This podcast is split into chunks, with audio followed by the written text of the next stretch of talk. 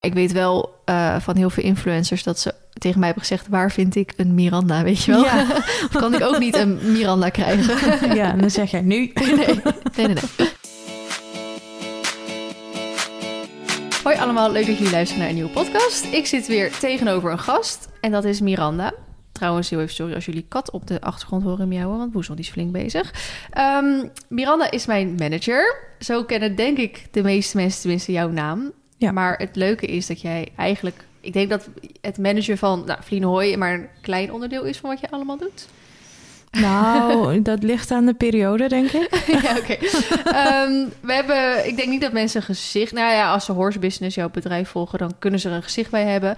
Maar in theorie werk jij op de achtergrond. Ja. En dat was denk ik ook jouw eerste reactie toen ik vroeg: wil jij voor de podcast komen? toen zei je ook, maar ik was toch iemand voor op de achtergrond? ik hoefde toch niet in beeld? Nee. Nee, en toen ik binnenkwam dacht ik ook inderdaad: oh ja, podcast hartstikke leuk om te verkopen. Of uh, nou ja, hè, want dat doe ik. Uh, Onder andere. Um, en dan zeg ik altijd, oh, dat is hartstikke leuk. Of je helemaal niet zenuwachtig voor te zijn. en ondertussen heb ik dus drie dagen nagedacht over... oh jeetje, wat moet ik allemaal vertellen? van dat soort dingen.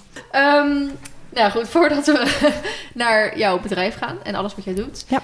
Um, even kort over jezelf vertellen... zodat mensen wel vast een beetje weten in welke denkrichting ze kunnen gaan... of wat ze kunnen verwachten. Nou, ik ben dus Miranda, manager van Verlien Hoy, had je volgens mij al gezegd. Mhm. Nee, ik... Uh, uh, heb tien jaar lang een pensioenstal gehad. Daar ben ik mee gestopt uh, na mijn scheiding. En toen dacht ik, ja, wat, wat ga ik doen? en toen ben ik begonnen met horse business. En vrij snel kwam ik eigenlijk jou tegen. Ja. Uh, toen zijn wij samen begonnen. Dat is inmiddels alweer drie jaar geleden. Ja. en ruim drie jaar volgens mij. En ben ik ook begonnen met het schrijven van ondernemersplannen. En uh, dat is heel kort wat horse business is. ja, en wie ik ben is de, de geest daarachter. ja, precies. We gaan daar straks heel uitgebreid op, uh, op verder. Ook met hoe wij elkaar hebben leren kennen. En ook hoe de samenwerking gaat en hoe dat allemaal in zijn werk gaat. Um, waar ben jij opgegroeid? Wat heb jij vroeger gedaan? Ik ben opgegroeid of geboren in Benthuizen. En dat is echt een heel klein plekje naast Zoetermeer. Oh, okay, ja. um, en uh, ben daarna vanaf mijn twintigste, denk ik, uh, in Zoeterwoude gaan wonen. Uh, samen met mijn, mijn partner toen. Um, daar hebben we samen de pensioenstal gehad. Wacht, we gaan heel veel stapjes te ver. Oh. Ik wil weten, ja, ik wil, ik wil eerst weten waar je vandaan komt. En okay. daarna wat, hoe je bent opgegroeid als in... Want je zit ook in de paarden, ja. op een paard. Um, is dat vanuit huis meegekregen? Is dat... Nee, oh, oh, zo ver terug. Ja, we gaan echt, we gaan ook nog even, even langs de middelbare school, oh, even God. langs de studie. nee, uh, nou, mijn paardenliefde, dat was er niet uit te slaan, uh, volgens uh, mijn ouders. Um, ik hoop nee. niet dat dat letterlijk is. Nee, nee gelukkig niet. Nee, ik uh, ging echt als jong meisje met mijn opa mee naar de boerderij. Uh, want die werkte daar. Niemand in mijn familie heeft iets met paarden of met dieren überhaupt. Okay. Er zijn geen huisdieren in huis, niks. ik heb ooit na heel lang zeuren mocht ik een cavia. Uh, dat was de liefde van mijn leven toen. echt intens verdrietig toen hij uiteindelijk doodging op zijn achtste. Mm -hmm. En uh, nee, uh, samen met mijn opa inderdaad naar de boerderij. En uh, de, de, boerderij bestond uit kippen en koeien en stieren. En mijn opa deed daar helpen met het hooi bouwen en okay, aardappels schrappen. Ja. Um, dus ik stond inderdaad als jong meisje aardappels te sorteren. en daar hadden ze ook drie paarden. Nou ja, achteraf bekeken was dat echt de meest zielige situatie die een oh, paard kon hebben. Want die stonden aan van die koeienbanden vast. En, oh ja, maar vroeger nou, was dat een soort van normaal natuurlijk. Ja, ja, maar die stonden in de winter stonden die gewoon 24 uur per dag op stal. Net als een koe. Ja. ja. Dus ja, daar kan je je nu niks meer bij voorstellen. Maar mm. goed, dat is uh, 25 jaar geleden, denk ik. Gelukkig. um, dus daar begon een beetje mijn paardenliefde. Nou, toen uh, heb ik heel lang gezeurd bij mijn ouders. En toen ben ik uiteindelijk op mijn zevende mocht ik op paardrijles. Dat was een verjaardagscadeau. Mm -hmm. En uh, ben ik op de manege in de buurt gaan paardrijden. En ben ik daar uiteindelijk op zaterdag een beetje klusjes gaan doen en uitmesten. En mocht ik mee helpen in de lessen en extra rijden. Oh, ja. En nou, echt, uh, echt pennymeisje. en wat, um, en wat, wat voor middelbare school heb jij gedaan? Um, het ONC in uh, Zoetermeer mm -hmm. uh, ben ik terechtgekomen. En eerlijk gezegd weet ik daar nog heel weinig van af. ik was echt alleen maar bezig met paarden en paardrijden. Ja, en, dus eh, eigenlijk heel je, eh, je jeugd, je tienerjaren, dacht je wel echt van ik wil iets. iets met Dus, eh, paarden. je, wilt, je dacht ook echt niet alleen hobbypaarden, maar je wilde misschien ook. Nee, ja, nee, mijn doel was echt iets met paarden. Ik Ja. geloof dat ik op mijn middelbare schoolkeuze, dat moest je dan in groep 8 doen volgens mij. Mhm. Eh, er stond er een vraag met welke eh, tools heb je nodig om dit te bereiken. Dat was een ander woord, maar ik heb geen idee meer wat. En daar heb ik volgens mij opgeschreven een riek en een mestvork en een schep en een kruiwagen. Ja, eh, Je wil gewoon de rest de professioneel paardenuitmester worden. ja, ja, dat was mijn eerste gedachte inderdaad, dat klopt. Ja. en toen kwam je van de middelbare school af. En wat ben je toen gaan doen? Eh, management paardenhouderij eh, in eh, Dordrecht. Oh. En, ehm, daar heb ik heel lang over gedaan, want ik spijbelde vooral. Ja, dat is echt heel erg. Ik was meer niet op school dan wel. En ontzettend eigenwijs in wat ik wilde leren en wat ik niet ging leren. Ehm, Terwijl je daar juist op je plek zou zitten, dan denk ik juist. toch? ja, ja, dat wel. Maar ik was gewoon liever tussen de paarden bezig in plaats van in de schoolbanken. Dus het allerleukste vond ik mijn stages. En, eh, eh, Wat voor stage heb je gelopen? Ja, heel veel verschillende. Echt van pensionstallen tot springstallen tot Oh ja. aan eh, een dierenartsenpraktijk. Ehm, ja, gelukkig bestond die opleiding ook het meeste uit stages. En daar was ik dus wel alt- altijd elke dag heel trouw. Ja. En heb je toen ook, eh, heb je echt gelijk nadat je de opleiding, want die heb je wel gehaald, neem ik aan. Ja. Ben je toen gelijk een pensioenstand gaan opzetten? Of heb je daar ook je partner leren kennen toen er tijd? Eh, nee, toen het in, eh, dat was een beetje tussendoor. Want ik heb volgens mij in 2000, eind 2008 mijn opleiding afge- afgerond. En in 2008 kreeg ik verkering met hem. Maar hij, hij Ehm, was niet van die opleiding. Die nee. heb je gewoon ergens anders leren Ja. kennen. Ja. Ja, en eh, volgens mij heb ik mijn laatste stageperiode daar nog gedaan. Dus dat waren de tienen, zeg maar, die binnenstroomden. nee, eh, ehm, ehm, ik denk dat ik het meeste heb geleerd bij... eh, oh, geen idee, een, een, een kleine pensionstal in eh ehm, Zevenhuizen. Dat was daar vlakbij. En ehm, het was van Jos... Ik weet alleen zijn voornaam nog. en eh, die kreeg een nieuwe heup. En eh, Toen moest je alles overnemen. ja, ja, en er was een hele mooie praktijkles. En toen dacht ik, oh ja, dit is wat ik wil. Ja. En ehm, ik denk dat ik uit de praktijk echt het meeste heb geleerd. En op, op die middelbare school moest, moest ik dus inderdaad een ondernemersplan schrijven. En Mhm. achteraf gezien heb ik daar ook heel veel aan gehad. maar op dat moment vond ik het eh, ja, maar stom. Ja, ja, ja. En eh, hoe ben je van, nou ja, dat je die diploma hebt gehaald tot... Dus ik denk dat, is dat het eerste wat je bent gaan doen? Die eigen pensioenstal? Of zijn, wat heb je daartussen nog gedaan? Nou ja, die eigen pensioenstal is niet iets wat ik ben gaan doen. Daar ben ik een beetje ingerold omdat ik dus verkering kreeg. En ja, zijn hij had ouders hadden... Of Nee, oh, hij, echt? zelf, hij, zelf. Hij had het ge- geërfd van zijn oom. Oh. Eh, en ik ben daar gewoon bij gekomen en ben dat gaan doen. Maar ja, ik had er ook zoveel raakvlak mee dat ik... Ja, Ja. dat ging eigenlijk vol automatisch. Ehm, en daar zijn we wel in een traject beland van eh, vergunningen aanvraag. En ehm, ja, we wilden gaan uitbouwen en allemaal van dat soort dingen. Ehm, dus toen ben ik wel weer terechtgekomen bij het ondernemersplannen schrijven en vergunningen aanvragen en, en financiering aanvragen. En ja, dat was een hele goede praktijkles. En hoe is dat ook allemaal bevallen?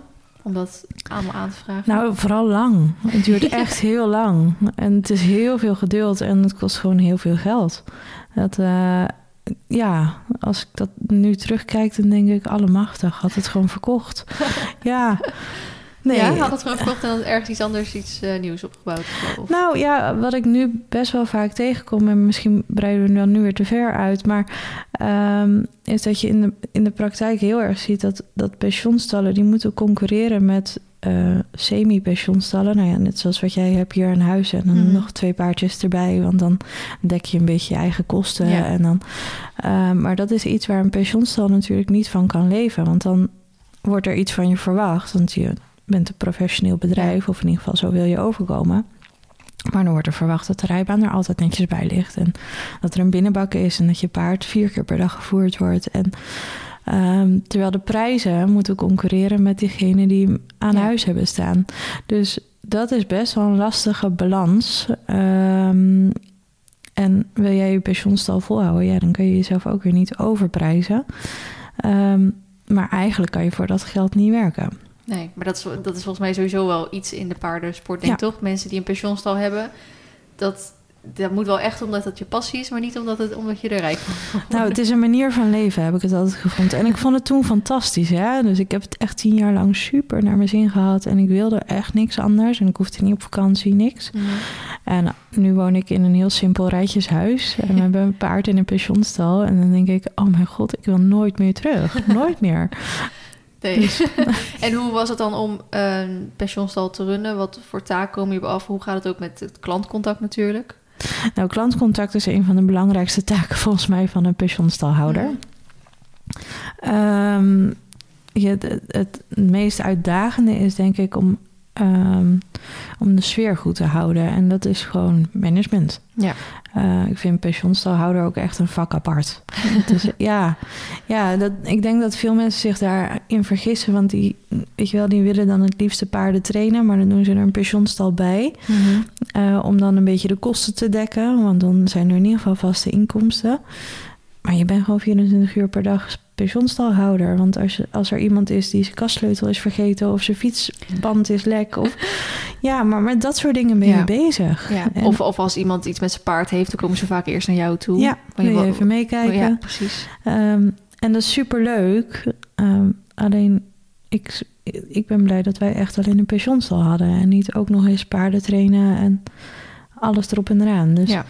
En wat voor, heb je een voorbeeld van wat voor afspraken er bijvoorbeeld waren? Want ik heb op heel veel verschillende pensioenstallen gestaan. Ik heb echt op zo'n zwarte, waar echt alles eigenlijk tegen de regels inging. En waar je eigenlijk echt, dat je terugdenkt van, nou, hoe kan iemand zo'n stal runnen en hoe kunnen die geen klanten hebben? Maar ja, ik was toen 14, hè, toen ik Marty Ja. kocht. Dus ik wist eigenlijk niet beter. Ik heb daar verzorgd niet altijd gehad.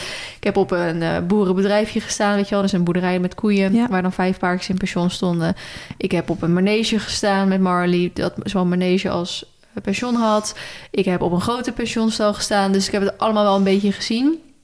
Maar ik moet zeggen, dus ik heb echt het, het fijnste gehad op die grote pensioenstal. Wat heel veel mensen dan juist een beetje engig vinden, die grote pensioenstallen. Maar ik had alleen maar van, ja, maar hier zijn regels. Wat ook heel veel mensen niet leuk vinden dat ergens regels zijn. Maar ik denk, ja, maar als er regels zijn, dan worden ze nageleefd. En dan eh, weet iedereen waar die aan toe is. Waardoor Ja. er inderdaad niet eh, anders met die regels wordt omgegaan. Bijvoorbeeld op die eerste pensionstal waar ik heb gestaan... waar wat alles best wel zwart en shady en zo was. Daar was één rijbaan van nou, echt 15 bij, 5 bij 30 of zo. Dus best wel Mhm. krap al. Super zwaar. Dus eigenlijk dat je ook echt denkt van... waarom heb je er ooit een paard in gereden? Maar in de zomer stonden die paarden... wat op zich wel lekker was...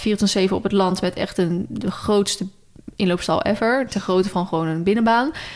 Eh, maar in de winter stonden paarden 24-7 op stal... En er was niemand die buiten deed zetten. Er was geen paddock, er was niks. Dus de paarden moesten, zeg maar, als jij zelf kwam, in de bak los. Maar dat kwam dus heel vaak. Kijk, de regel was: rijden gaat voor losgooien. Want uiteindelijk is het een bak.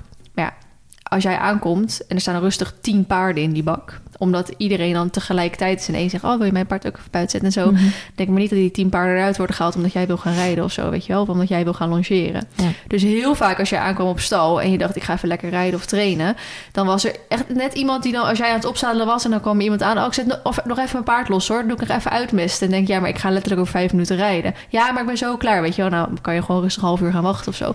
En dat vond ik zo bloedirritant. Ja. Dat ik echt nu denk van, oh, er waren, ik vind het zo fijn dat nu al deze regels er zijn. Want dus ik had heel erg het idee, natuurlijk op elke pensioenstal, groot of klein, zijn altijd klikjes en mensen en roddels. En dat het blijft altijd natuurlijk. Maar ik heb het daardoor wel door heel positief ervaren, omdat je gewoon weet waar je aan toe bent. Ja, nou, weet je, klikjes en roddels, dat is denk ik het, het grootste punt waarvan mensen zeggen: Oh, alsjeblieft niet.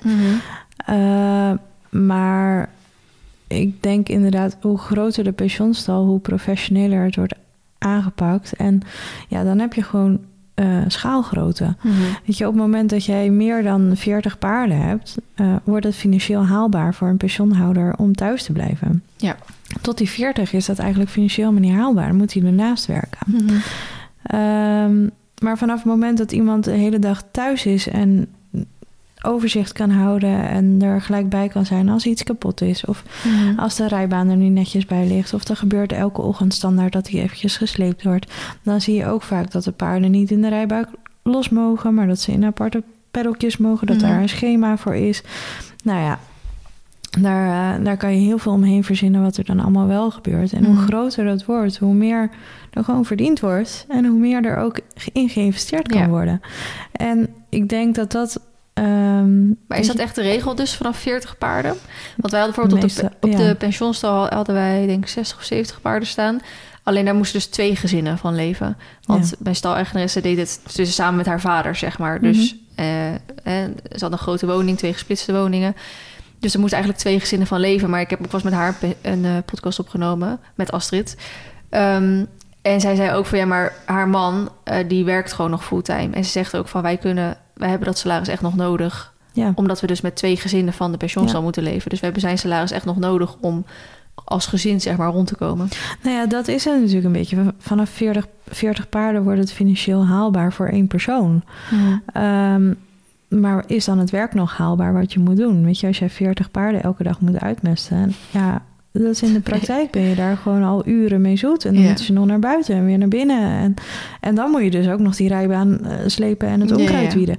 Ja, dat is dan al niet meer haalbaar. Dus dan Mhm. moet er personeel bij. Dus het is echt wel een moeilijk pakket waarin een pensioenstalhouder zit. Ja. En daar Je gaat ook steeds meer nadenken, want eh, zeker paardenhouderij, stages, dan zeg je wel eens van nou dan word je, kom je op zo'n stage waar je alleen maar stallen loopt uit te mesten. Maar aan de andere kant denk je, ja, maar ik denk dat een pensioenstal bijna niet kan bestaan zonder stagiairs die helpen met uitmesten. Nee, en dat vind ik best wel schokkend. Ja. Eigenlijk dat we. eh, en dat is deels zelf opgelegd door de ondernemers zelf. Want eh, weet je, wij hadden een pensioenstal midden in de randstad. En als ik nu terugkijk, dan denk ik, jeetje, daar hebben we 250 euro of zo als het tarief. Kan je echt niet dubbele voor vragen. ja, en nu denk ik, oh mijn god, als we het dubbel hadden gevraagd, hadden we wel de investeringen kunnen doen die we hadden moeten doen. Ja. En was het beter geworden. Dus Maar krijg je ook wel een heel ander soort klanten, hè? Want dat Ja. hebben wij dus wel eens met... Nou, ik, ik eh, refereer vaak naar mijn pensioenervaringen. Maar we hadden een springweide. En ze hebben er echt wel eens over nagedacht om dat als springpiste om te laten bouwen. Maar dan ga je dus gewoon een piste aanleggen van 60 bij 80 meter of zo. En toen zeiden ze van dat kan, maar die investering moet terugverdiend worden. Dus dan moeten we veel meer wedstrijden gaan organiseren. Dan komen, komen er ook ander soort mensen hier op stal staan. Mensen die veel op wedstrijden willen. Mensen, mensen die dit en dit. En zeggen van dat zijn eigenlijk niet de, de. Dat is niet onze doelgroep van de pensioenstal. Weet je wel, de doelgroep is meer de recreatieruiter die het leuk vindt om af en toe een wedstrijd te rijden. En niet de sportruiter, weet je wel. Dat zijn gewoon best wel andere mensen vaak. ja. Die ook niet altijd misschien op één lijn zitten. Soms gaat dat natuurlijk wel prima. Eh, dat zijn dan ook weer keuzes die je moet maken. Wat je zegt dat je de sfeer belangrijk vindt. Ehm, maar als je de prijs gaat verhogen, dan komt er gewoon een heel ander volk op af. Wat natuurlijk niet, ik zeg niet dat, dat mensen die dat kunnen betalen raar volk is, zet dat even voorop. Maar meer van, dan moet je altijd wel even rekening mee houden. Ja, ja en nee. Weet je, aan de andere kant denk ik, god, het is nu heel normaal om elke maand een dekje van 80 euro te kopen. Ja, maar weet je, en die pensioenstalhouder die moet er nog naast werken. En niet omdat ik medelijden heb met een pensioenstal, want dat is ook een eigen keuze dat je Mhm. dat doet. Eh, het is een manier van leven, want je huis staat er wel en je woont al bij de paarden. Dus het heeft echt wel veel voordelen. Ehm, maar ik denk wel dat ik als ik naar de particulier kijk, dan denk ik, ja, is dat dekje nou echt zo belangrijk? Of is de kwaliteit hoe je paard erbij staat en de mensen die daarvoor zorgen, is dat belangrijker? Mijn kinderopvang voor drie ochtendjes in de week is 600 euro per maand. Ja, Ja, echt bizar die prijzen. ja, maar dat is waar een particulier mee heeft te dealen. Ja. Dus hoe, hoe werkt dat dan dat wij denken met z'n allen dat een pensioenprijs van 250 euro in de maand, dat dat kan? Ja. Dat, lukt niet. Het, het- ja. Ja, nee, ik, ja, dus de vergelijking is dan wel je kind voor drie ochtenden weg.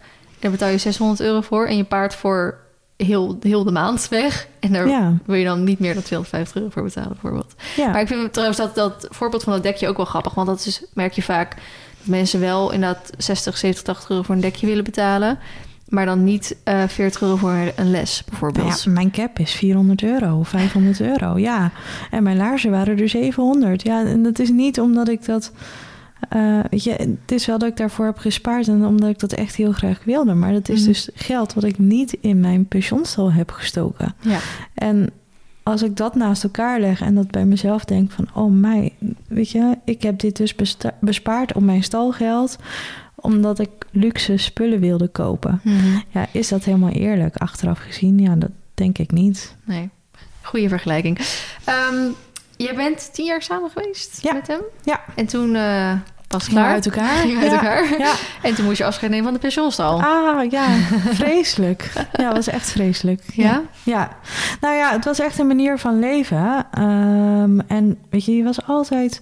Er waren altijd mensen en er was altijd aanspraak. Of, nou ja, als ik me even verveelde, liep ik naar buiten... en dan had ik aanspraak en gezelligheid... of iemand die wat wilde. En daar wen je ook heel erg aan, weet je. Ik heb dat Mhm. van mijn twintigste tot aan mijn dertigste gedaan. Eh, dus het is echt wel iets wat ik heel erg miste in het begin. Want ja, ik, ik zat in een klein huisje in een dorpje waar niemand was. Ja. Dus ik zag gewoon een hele week niemand als ik niemand opzocht. Dat is Mhm. echt een hele grote wijziging. Ja. Ehm, en eh, daarna ontmoette ik Joop. Mhm. Ehm, eh, ja, hij was mijn advocaat. Ehm, en toen zijn we op de een of andere manier met elkaar gaan daten. Want eh, ik woonde in Zuid-Holland en hij in Gelderland. En eh, ja, voelde dat vanaf het eerste begin zo goed. dat we volgens mij binnen vijf dagen echt dikke verkering hadden. En Zo grappig hoe dat is gelopen ja, toen. geen dag meer uit elkaar zijn Ja. geweest. Ik weet nog, want ehm, ik, eh, nou ja, want je bent dan nu twee, drie jaar samen met Joop. Vandaag drie jaar. Oh, gefeliciteerd. maar ik weet nog heel goed dat jij... Ik ben volgens mij bij dat huisje toen geweest. ehm, Ja, Echt heel lang geleden een inderdaad. mini mini huisje. Ja. En toen, ik weet ook niet meer waar we het over hadden of hoe dat ging, maar toen zei je inderdaad dat je aan het daten was. En toen zei je inderdaad dat je advocaat was. dat zei ik lekker weer aan. Ja, ja, heel Goed geregeld. verhaal. Ja, ja. Maakt niet uit. Die advocaten die hebben ook vrouw nodig. ja, ja dat voor, de, blijkt. voor de mensen die ehm, eh, misschien ergens een belletje gaat rinkelen. Joop hebben natuurlijk ook al een pod- podcast mee Ja. opgenomen. Ja. Want die doet natuurlijk nu... eh, nou ja, hij was al advocaat. Ja. Maar hij doet nu ook veel binnen de paardensector. Ja. En dat is een beetje door jou denk ik gekomen. Ja, ja, nou ja, als je een bedrijfsplan schrijft voor iemand, eh, dan kom je ook vaak terecht op het juridische gedeelte of op het aanvragen van vergunningen en dat soort zaken. Ja, en dan is dat wel een heel makkelijk samenspel om, eh, ja, om, om samen met hem op te pakken. Of het schrijven van algemene voorwaarden Ja. bijvoorbeeld. Ja. En Of als een klant niet wil betalen. Bijvoorbeeld, ja. Nou ja, weet je, een, een advocaat klinkt altijd een beetje eng. Bij veel mensen heb ik het idee. Ehm, hij is best aardig. Ehm, en, eh, eh, maar ik kan me wel voorstellen dat die stap daar naartoe heel groot is. En eh, Ja, nou, zeker als je ook niemand kent. Want dan ga je, stap je misschien sneller ook naar zo'n groot bedrijf toe. En dat kan heel in- Ja. imponerend of indrukwekkend overkomen. Terwijl je ook gewoon veel... Ja, het zijn Ja. best wel gemoedelijk eigenlijk. Nou ja, Joop wel. Eh, maar ik kan me voorstellen als jij bij een heel groot advocatenkantoor op de Zuidas eh, binnenkomt lopen met je eh, klompen nog aan. of met je rijbroek, dat Mhm. iedereen je best wel gek aan staat te kijken. En als je bij Joop gaat zitten in je rijbroek, dan denkt hij, ja, dat doet mijn vrouw ook. ja. Prima. Voordat we verder gaan met wat je nu doet... want we hebben alweer wat termen laten vallen... Wat, wat ben je gaan doen toen ja, je de pensioenstal niet meer had? Ehm, nou, ik denk dat het ook nog wel leuk is om tijdens de pensioenstal... want ik zat inderdaad in dat, dat dingetje eh, met... eh, goh, we verdienen net niet genoeg geld, dus we moeten er nog bij werken. Nou, wij Mhm. werkten er dan allebei nog 40 uur naast. Zo, jeetje. Ja, en dan de pensioenstal. Dus het was echt wel... Ja, we hebben echt wel... eh, ehm, ja, ik denk tien jaar lang 80 uur in de week gewerkt. Ja. Ehm, en dat is niet erg hoor, zo is het ook niet. Maar ehm, eh, daar, in die periode heb ik eh, vijf jaar voor KPN gewerkt. Mhm. Ehm, en ik denk dat ik daar wel het meeste heb geleerd wat met bedrijven te maken heeft. Mhm. Dus eh, de financiële achtergrond. Eh, financieel analist geweest op de roamingafdeling. In de tijd dat roaming nog bestond. Weet je wel, dat je naar het buitenland ging en Oh, dat ja. je moest opletten. Ja, ja. eh, dat je niet te veel uitgaf. Mhm. Ehm, nou ja, dat, dat zijn allemaal dingen die over de hele wereld met elkaar worden geregeld. Want in het ene land werd zoveel uitgegeven en in het andere land werd zoveel uitgegeven. En dan werden die facturen tegen elkaar aangeplakt en daarna Ja. betaald. Ik kreeg, ik kreeg vandaag nog, gisteren nog een screenshot van Short, want die zit, die zit nu bij de Bahama's volgens mij. Oké. Ja, op een schip hoor. Maar Ja. dus, hij, nou, hij heeft het vreselijk, want het is echt niet normaal warm daar. Oh. En hij werkt in die machinekamer. Hij zegt dat ik een paar minuten aan het werk ben... dan is het net alsof ik gewoon een duik in het zwembad genomen heb. Ja, dat heeft, dan doet Sjoerd hetzelfde als mijn vader ooit heeft gedaan. eh, Twintig jaar bij de marine. Ja. Oh ja. Nou ja, Sjoerd heeft wel niet natuurlijk marine, maar ik weet niet of... Eh, zat hij ook in de machinekamer? Oh ja, nou dan zal het er redelijk overheen komen. Ehm, maar hij eh, stuurde inderdaad zo'n appje van dat het daar nu 5 euro per MB kost. Als hij daar zo zijn data aan zou hebben staan. Ja, ja, dat dus. Dat dus. Ja, ja. Ja, Ehm, heftig. ja, en dat, dat deed ik dus naast elkaar leggen met de andere telefoonmaatschappijen. Ja. En dan kwam daar een verrekening uit en dat moest dan of betaald of ontvangen worden. Nou, dat is gewoon een recept voor eh, eh, iets wat mis kan gaan. dat werkt gewoon echt niet. Eh. Dus alles, eh, weet je, nou ja, het werkt wel. Ehm, alleen het is zo'n goede administratie die je dan bij moet houden. Dus dan de ene factuur die wordt tegen dat bedrag aangeplakt en dan weer terug. En ehm, de ene telefoonmaatschappij zegt, oh ja, maar die, die factuur had ik er ook nog bij gedaan. Dus dan hoeven we minder te betalen. Mm. En nou ja, die verschillen die waren gewoon... Het klopte allemaal wel, maar de verschillen waren gewoon zo groot op een gegeven moment dat er... Nou ja, dat was bijna niet te doen. Dus KPN was denk ik heel blij dat het werd afgeschaft. Want dat scheelde een hoop ad- administratie. Ja, precies. En wat waren, want je zei ook nog dat je van de, hoe noemen die dat nou? Je was teamleider Van, van, de... Master Data. Oh ja, dat ja. Ja. Ja, Nou ja, de tijd bij KPN was eh, inderdaad ongeveer vijf jaar. Mhm. En eh, ik heb daar ongeveer alles meegemaakt. Eh, ik ben ontslagen. Ik ben weer opnieuw aangenomen. Ik ben boventallig verklaard. Wat dat, betekent dat? dat betekent dat je afdeling ophoudt te bestaan. Oh, dus roaming werd afgeschaft. Dus Ja. ja. ik had geen baan meer. Mhm. Ehm, ik, ik heb volgens mij vier keer ge, ge- promotie gemaakt. Ja, het is echt heel gek. Ja. Ehm, maar ik heb daardoor wel heel veel geleerd. En het was echt wel een gave tijd. Ik heb in vijf jaar, denk ik, eh, zoveel ervaring opgedaan. ehm, dat het wel de basis is geweest voor horse business. Maar ik denk wat je zegt dat je wel heel blij bent met die ervaring. Maar is dat lang vol te houden, vraag ik me meer af. Is dat leuk voor vijf jaar om te doen? Als je daar nou 40 jaar had moeten werken.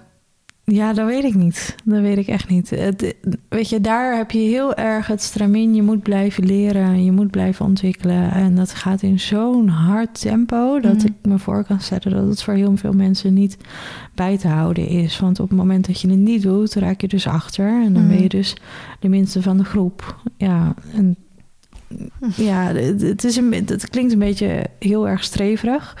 En voor mensen die dat in zich hebben, is dat heel fijn werken. Voor de mensen die dat niet in zich hebben, ehm, lijkt me dat heel spannend. Ja. Ja. Snap ik. Ehm, dus toen je stopte met KPN, ben je toen fulltime al horse business gaan doen? Of hoe is, hoe, wanneer ben je begonnen met horse business? Hoe is dat ontstaan? Ja, nou, ehm, eh, eigenlijk liep dat een beetje samen. Want eh, eh, dat was dus de laatste keer dat ik eh boventallig werd verklaard. Want ook de afdeling Master Data. Werd Ehm, opgedoekt. Ja, nou ja, dat was wel grappig. Want daar zat een heel traject voor, vooraf dat er eh, gerobotiseerd werd. Mhm. Dus eh, nou ja, Master Data is echt gewoon eigenlijk het beheren van data van het bedrijf.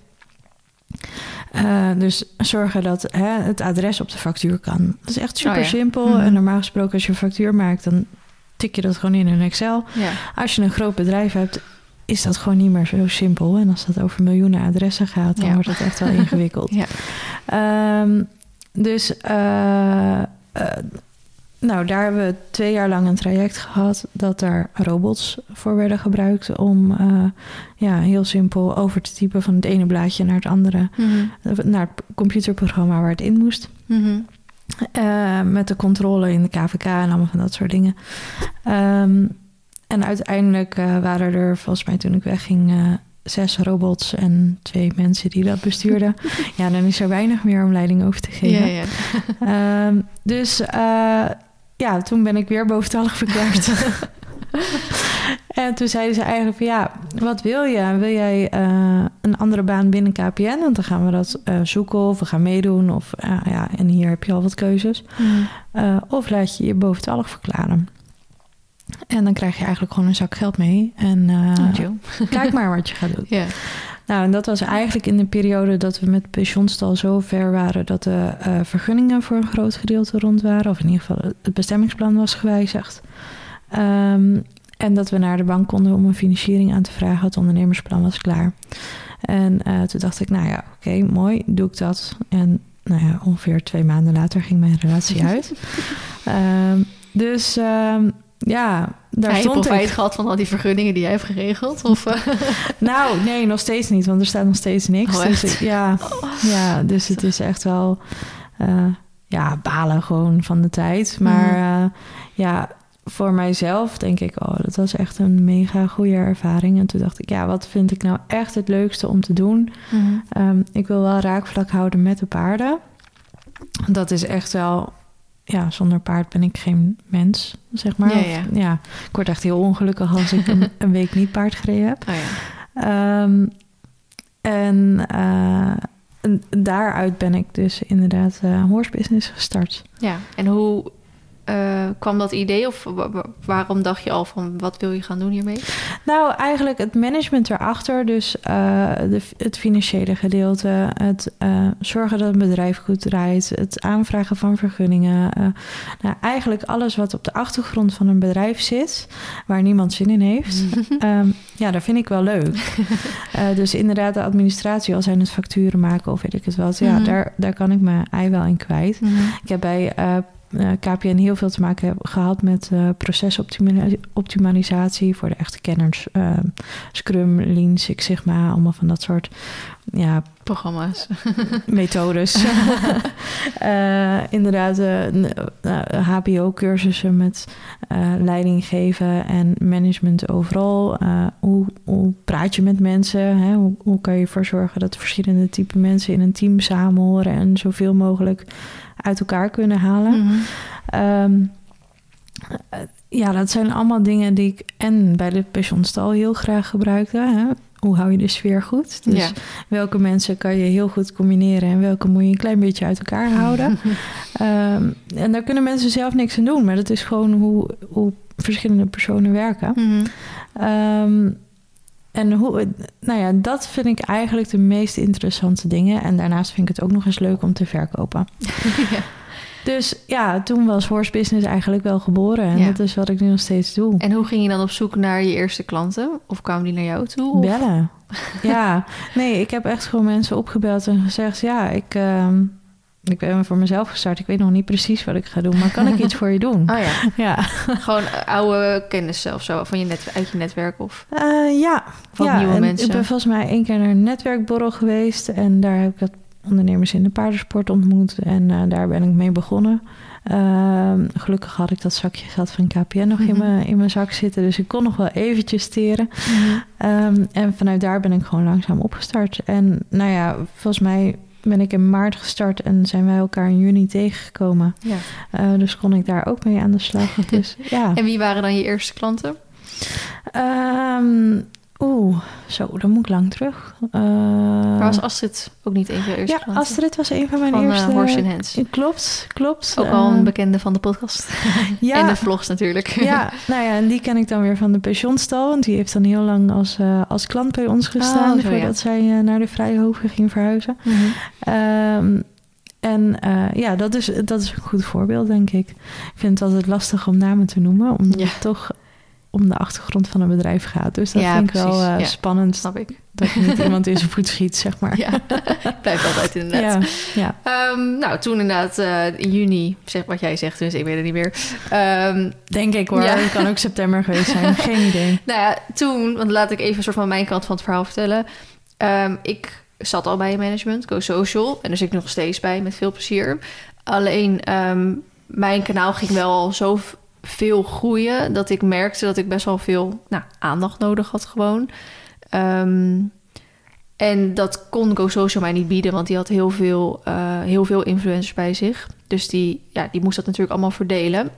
En ik merkte wel van ja, ik wil eigenlijk meer aandacht hebben eh, om nog ve- verder te groeien. En toen heb ik een, een, een gesprek met Gwenda Melsen Mhm. van My, My Equine Business gehad. En toen eh, kwam zo, kwamen we al snel op neer dat ik niet de juiste mensen om me heen had. En eh, nou, als je dat bijvoorbeeld vergelijkt met de situatie nu, nou, ik heb jou, eh, Anne, die werkt natuurlijk ook Ja. veel voor mij, stagiairs, Alieke. eh, nou, zo heb ik best wel wat mensen dus om me heen verzameld. En dat was ook een beetje het vijf jaar het doel wat ik met haar toen had afgesproken. Van nou, ik moet de juiste mensen om me heen gaan verzamelen. Dus het allereerste wat uit dat gesprek kwam is... ik heb denk ik een eigen manager nodig. En ik wist toen ook nog echt niet waar ik die moest zoeken. Want ik ging natuurlijk in mijn eigen netwerk die ik al had rond kijken... van nou, wie zou daar geschikt voor zijn? Want ik denk, ja, diegene heeft wel een beetje verstand van paarden nodig... maar diegene moet ook vooral verstand hebben van...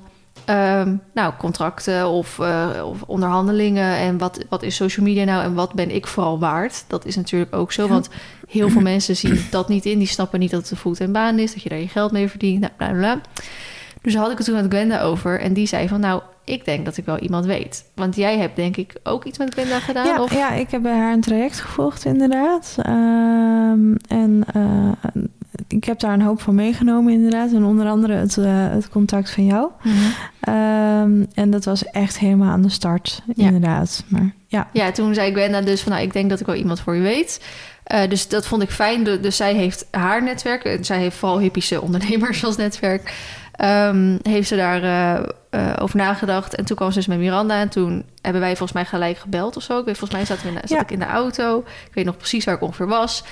En dat vond ik best wel spannend, dat telefoontje. Want ja, je gaat iemand zoeken die je manager wil gaan worden. Nou, dat moet allemaal weer net kunnen. En eigenlijk was het volgens mij in dat telefoongesprek al... Volgens mij hadden we echt iets van 40 minuten gebeld of zo. Sowieso Oh. als wij bellen, dan is het al... ja. Dan wil Al je, snel. kom, je voor één vraag en dan ben je in één keer een half uur bezig. Wordt even nog alles afgegaan. ja. Um, en het, hetgene waar het voornaamste, want jij zei ook van ja, ik heb wel verstand van paarden en ik heb verstand van ondernemen, maar ik heb helemaal geen verstand van social media. Nee, ik wist, niet, ik wist echt niet wie je was. Nee. Dat was één. Nee. En toen had ik wel echt zoiets van, oh, maar moet ik dat eigenlijk niet hebben? Maar ja, achteraf gezien denk ik, ja, maar dat maakt eigenlijk, eigenlijk helemaal niet uit. Want Nee, eh, je hebt me wel moeten leren wat het verschil was tussen een story en een post. En een, ja, allemaal ja, en een vlog en een video en een dit en een dat. Ja. en ik moest even uitleggen wie Enzo Knol was. En weet je, als Ja, soort van voorbeeld geven. Ook, ja. ja. Um, maar wat toen vooral uit dat gesprek kwam, is dat jij um, aangaf van ja, kijk, ik vind, kijk, geld verdienen, dat als goed is vindt iedereen dat natuurlijk wel leuk. Daar heb je een bedrijf voor. Maar ik vind bijvoorbeeld onderhandelen vreselijk. Als het lukt, dan is het leuk. Maar het feit dat je moet gaan onderhandelen over een prijs, dat je een prijsopgave moet geven, dat je daarover moet gaan, dat vind ik echt, daar krijg ik helemaal jeuk van. En toen zei jij gelijk, dat vind ik dus echt het leukste om te doen. Ja. ja. En toen dacht ik, en toen wist ik wel van je moet dus iets doen wat je leuk vindt, want dan ben je er eigenlijk ook goed in, of dan wil je er aandacht en dan wil je er het beste uithalen. Dat heb ik met mijn vlogs bijvoorbeeld. Video's heb ik dat alweer minder, vandaar dat ik dat vaak samen met Alike doe. En jij hebt dat dus met onderhandelen en alles wat daarmee te maken Ja, heeft. En het op papier zetten. En het, Daar, uh, ja, jij, Zegt, jij zei toen ook, dat weet ik ook nog van, als zoiets dus gelukt is, daar krijg ik dus echt een kick van, weet je wel? Ja, ja, ja, als ik iets heel goed kan verkopen, dan uh, ja, dat is voor mij echt de kick. Zeg Ja. maar, dat is er een beetje. Ik heb er nooit een opleiding voor gehad voor verkopen, maar mm -hmm. ik heb ooit als bijbaantje in een woonwinkel, een hele dure woonwinkel uh, gewerkt. Um, en elke keer als ik dan een order opschreef, dan dacht ik, oh, dat vind ik echt zo gaaf. en puur uit, niet omdat ik iets per se wilde verkopen, maar meer van, joh, wat kan ik, hoe kan ik ervoor zorgen dat dit voor, voor die mensen voor beide echt, partijen. ja, echt een soort onmisbaar is, Oh, ja. weet je? En toen was het van, nou, ja, zonder deze bank kan je niet verder. Nee, uh, hoe heb je het ooit zonder kunnen doen? ja. Nee, dan gaan we heel erg richting de telcelkant. Maar met jou is het bijvoorbeeld echt wel...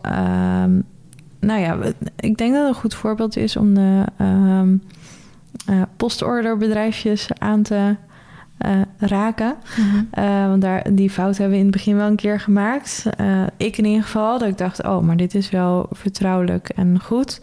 Um, en ik denk ook dat het echt zo was. Alleen op het moment dat een ZZP'er in één keer 300 orders krijgt, mm. um, ja, dan gaat het mis met de klantenservice. En dan mm. hebben we dus een hoop herrie in de tent. Um, en dat zijn allemaal van die dingetjes die je een beetje gaandeweg moet leren. Dat je denkt, oh ja, maar dit moeten we gewoon niet meer doen, want daar ben jij te groot voor. Um, maar ik denk ook dat het andersom werkt sowieso als influencer moet het echt heel veel raakvlakken hebben ja. voordat je uit kan dragen ja. dat een product heel erg goed is mm -hmm. en het gevoel heel erg goed is. En eigenlijk ga ik constant bij een ondernemer dan uh, op zoek van ja, maar wat is nou je doel met een samenwerking met Verline? Weet je, wat wil je nou uiteindelijk verkopen? Wil je echt um, alleen maar omzet draaien of mm -hmm. wil je namensbekendheid of wil je um, een, een, een, een, eh, nou ja, ik denk dat Astrid een heel mooi voorbeeld is. Weet je, die heeft zoveel kennis wat zij via jou kan delen. Ja. Ehm, en ik denk dat dat heel goed werkt, maar ook heel natuurlijk samenwerkt. Ja, ja, er zijn een hoop Astrid-fans bijgekomen. Ja, ja. ja maar dat, dat gaat nooit lukken als jij haar niet leuk vindt of zij jou niet leuk. Of nou ja. ehm, en ik denk dat je samen kan groeien, maar dat moet wel echt matchen. Ja, Ehm, maar ja, het enige wat ik koop, dus inderdaad die cap van 500 euro om daar even op terug te gaan. Mhm. Ik heb daarvoor gespaard. Ik vond het echt heel gaaf om die cap te kopen. En ik heb hem nu na zeven jaar nog steeds. En ik ben er nog steeds zo blij mee. ja, eh, weet je, maar dat moet iemand voelen als hij een product heeft gekocht. ja. Eh, en wat het ook is, dat maakt niet uit. ja. Ja, En als wij dus, want ehm, laten we dan nu even op, op naar mij overgaan. Mhm, Dan gaan we mhm. straks over de, de ondernemersplannen en zo hebben. Ja. Ehm, als jij denkt, ehm, deze is leuk voor Verlino als samenwerking. Of soms Ja. denk ik, dit wil ik graag als samenwerking. Ehm, maar ook wel eens andersom. Bedrijven komen naar ons toe. Ik denk dat Ja. er een beetje redelijk 50-50 gebeurt. Hoe gaat zoiets in zijn werk, van stap tot stap? Ehm, nou ja, je hebt inderdaad twee ingangen. Dus eh, of jij zegt van, oh, ik zou wel graag een samenwerking willen met die, want ik wil dit en dit plan. Eh, net zoals met e-horses bijvoorbeeld. Van, hey, ik wil heel graag een serie maken over hoe koop ik mijn eerste paard. Eh, ja, dan, dan is de eerste wat je gaat doen al kijken van, joh, wie zou daarbij passen. Nou, site als e-horses, daar hoeft denk ik niemand uit te leggen dat dat Mhm. daarbij past. Ehm, en op dat moment ga ik eigenlijk hun benaderen van... joh, we hebben dit en dit idee. Eh, zien jullie een samenwerking zitten? En eigenlijk praat ik niet eens over geld of kosten of weet ik het wat. Ehm, dat komt eigenlijk later in het proces. En tegenwoordig zijn bedrijven al wel zo Een beetje op de hoogte. op de hoogte dat het gewoon geld kost. Mhm. Eh, en weet je, eigenlijk waar je met liefde voor paarden tegenaan liep van... hé, hey, ja, maar als je mee wil doen met een item, dan kost het geld. Ja, het is commercieel. Mhm. Eh, het klopt dat het geld kost, alleen het brengt je ook heel veel op. Ehm, en ik denk dat een bedrijf als e-horses heel veel heeft opgelo- o- eh, opgebracht. Want op het moment dat ze nu dus zoeken... eh, Ja. ja, hadden we het eh, van de week nog over. Toen belde iemand ons, want die wilde ook misschien een soort van samenwerking doen. Omdat als je dus nu zoekt op, ehm, op eh, eigen paard kopen of zoiets op Google, dan komt mijn blog met e-horses dus als eerste Ja. naar boven. Ja, dus vanuit hun kant super slim. Die hebben Ja. gewoon altijd reclame voor e-horses. Omdat, hè, dus ja, op die manier werkt het wel gewoon echt super goed. En Ja. dat, eh, eh, nou ja, dat vind ik het mooiste om eruit te halen. Ja. En dan is de prijs is bijzaak. Ja. En ja, dat is een beetje, dat ik denk, ja. Nou ja, heel veel mensen, want wij hebben bijvoorbeeld ook dat, eh, die media kit op de website Ja. staan. Dus dat bedrijven alvast die kunnen downloaden om meer informatie in te winnen, zonder dat je net gelijk eh, jou aan de telefoon Ja. krijgt. Eh, wat natuurlijk ook altijd vrijblijvend is. Hè? Miranda bij het niet en eh, die le- legt met alle liefde uit. Nee, behalve als je eh, factuurproblemen hebt. Dan, eh, Ja, maar dat bij het Joop. dan laten we Joop buiten. Ja. Ja. Oh nee. Dat is wel eens al Ehm, heel handig als je partner van je manager ook advocaat is. Echt, ik krijg het iedereen aan. Ja, nee, nou, klinkt- nou klinkt het echt alsof we bloedhonden zijn of zo. Dat is echt Nee. niet zo. Nee, maar als iemand de factuur niet betaalt, dan... eh, Nou ja, je koopt een product. ja, Ja, nou ja, ik noem je even een product. ja. Maar, eh, of je koopt een dienst of een... Ja, hoe je het ook wil Ja, noemen. ja, dus je rekent af, punt. Ja, Ja, precies. Als jij eh, bij de supermarkt wegloopt zonder te betalen... dan krijg je toch ook de politie achter je aan. Ja, ja, bedoel, dan gaat het misschien om, over een tientje. Ja, Ja, precies. Eh, waar wilde ik ook weer heen gaan? sorry. Jongens, we gaan even random ergens verder, want ik wist niet meer waar we het nou precies over hadden. Het ging in ieder geval over de samenwerkingen. Eh het voorbeeld als eh, e-horses hadden we genoemd. Ja. Ehm, en dan, dus dan gingen we het hebben over... eh, eh, Hoe gaat dat proces? Ja, ja. Eh, nou, op het moment dat, dat ik er dus achter kom van... nou, dit zou kunnen passen, dan ga ik contact opnemen met jou. Van, joh, hè, zie jij dit zitten? Hoe denk jij hierover? Ehm, en dan ga ik eigenlijk kijken van, joh, welk, welk budget heeft een, een klant? Want daar heeft het wel gewoon mee te maken. Weet je, als jij eh, zegt van, ja, ik heb 50 euro budget... ja, dan houdt hij al snel op, want daar kunnen we gewoon niet zo heel Nee. veel doen. Ehm, want ja, je hebt een bedrijf, dus er moet er uiteindelijk eh, aan verdiend worden. Ja. Wel even tussendoor dat Eh 50 euro heb ik vroeger natuurlijk wel dingen voor gedaan. Ja. Ik ben ook ergens moeten beginnen. In het begin doe je veel gratis dingen, want je bent hartstikke blij met dat überhaupt een bedrijf interesse in je heeft. Je voelt Ja. je een beetje gevleid. Je krijgt ook vaak gratis spullen ervoor terug natuurlijk. Maar op een gegeven moment kloppen er zoveel bedrijven bij je aan die dat allemaal dan willen. En dan heb je natuurlijk gewoon heel simpel vraag en aanbod. En als er meer vraag dan aanbod is, dan kan je prijs verhogen. Ja. Ehm, en dat begint inderdaad met een keer voor 50 euro, een keer voor 100 euro, een keer voor 150 euro. Nou, dan, dan ga je het een keer andersom doen. Dus dan, vroeger was het altijd dat het bedrijf aan mij vroeg: wat vraag je ervoor? Nu doen we het andersom. Wat is je budget? Vraag je dan. En dan zeggen ze er Ja. wel eens van eh, 300 euro. Denk, nou top, dan doen we het voor 300 euro.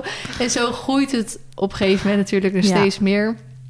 En eh, dat heb, heb ik dus altijd zelf altijd moeten regelen. En het moment dat. Miranda eh, in het spel kwam, toen eh, ja, gingen we over wat hogere bedragen praten. Maar dat neemt niet weg, want we doen nog steeds wel een keer iets voor 250 euro. Maar ja, het verschilt heel erg Ja, het verschilt aanbiedt. heel erg wat iemand wil. En eh, weet je, ik vind het punt welzijn bijvoorbeeld echt super belangrijk. Dus als we daar iets mee kunnen doen, dan ja, daar, daar springen we wel vaak omheen.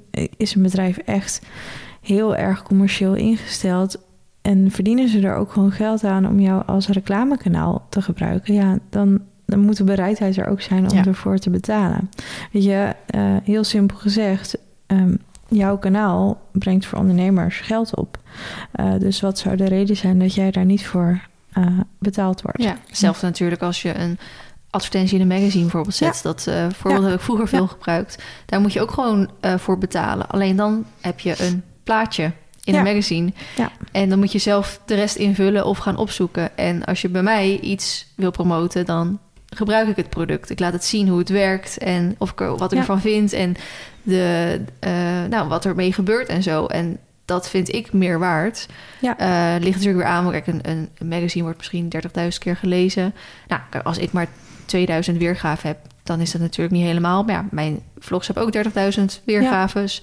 Dus dat is dan ook weer Ja. allemaal wat waard. Ja, en dat is wel een beetje de moeilijke lijn ertussen, zeg maar. Of tenminste, de moeilijke lijn, maar de uitdaging. Eh, de uitdaging, zo even de klemtoon goed. Ehm, weet je, jij hebt best wel eens een keer gezegd... joh, dat merk vind ik super gaaf. Alleen de dekjes die erbij horen, ja, die Hmm. gebruik ik niet. En die vind ik echt zo rot liggen.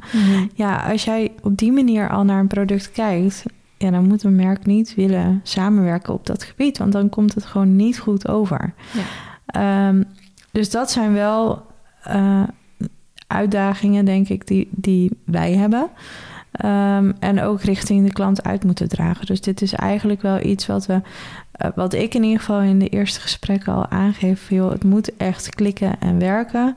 En vaak beginnen we met een korte testperiode. En eh, daarnaast denk ik ook marketing is de kracht van herhaling. Want als je één keer iets doet, dan heeft het gewoon niet zo heel veel zin. Ehm, dus eh, als één keer iemand zegt van joh, ik wil een post bij jou kopen. Ja, dat vind ik voor jouw kanaal nog gewoon niet zo sterk. Want Ja. dan heb je één keer iets random erop staan zonder inleiding, zonder iets. Ja. Dan ligt het er ook weer. Dat is gewoon elk bedrijf, alles is een ehm, pakket. Maken we een, een, een, een persoonlijk ja. pakket voor aan. Ja. Maar ik weet nog heel goed, want het meeste doen we inderdaad op die manier, wat je net vertelde. Dat voor langere termijn, we doen vaak drie, zes of twaalf maanden afspreken.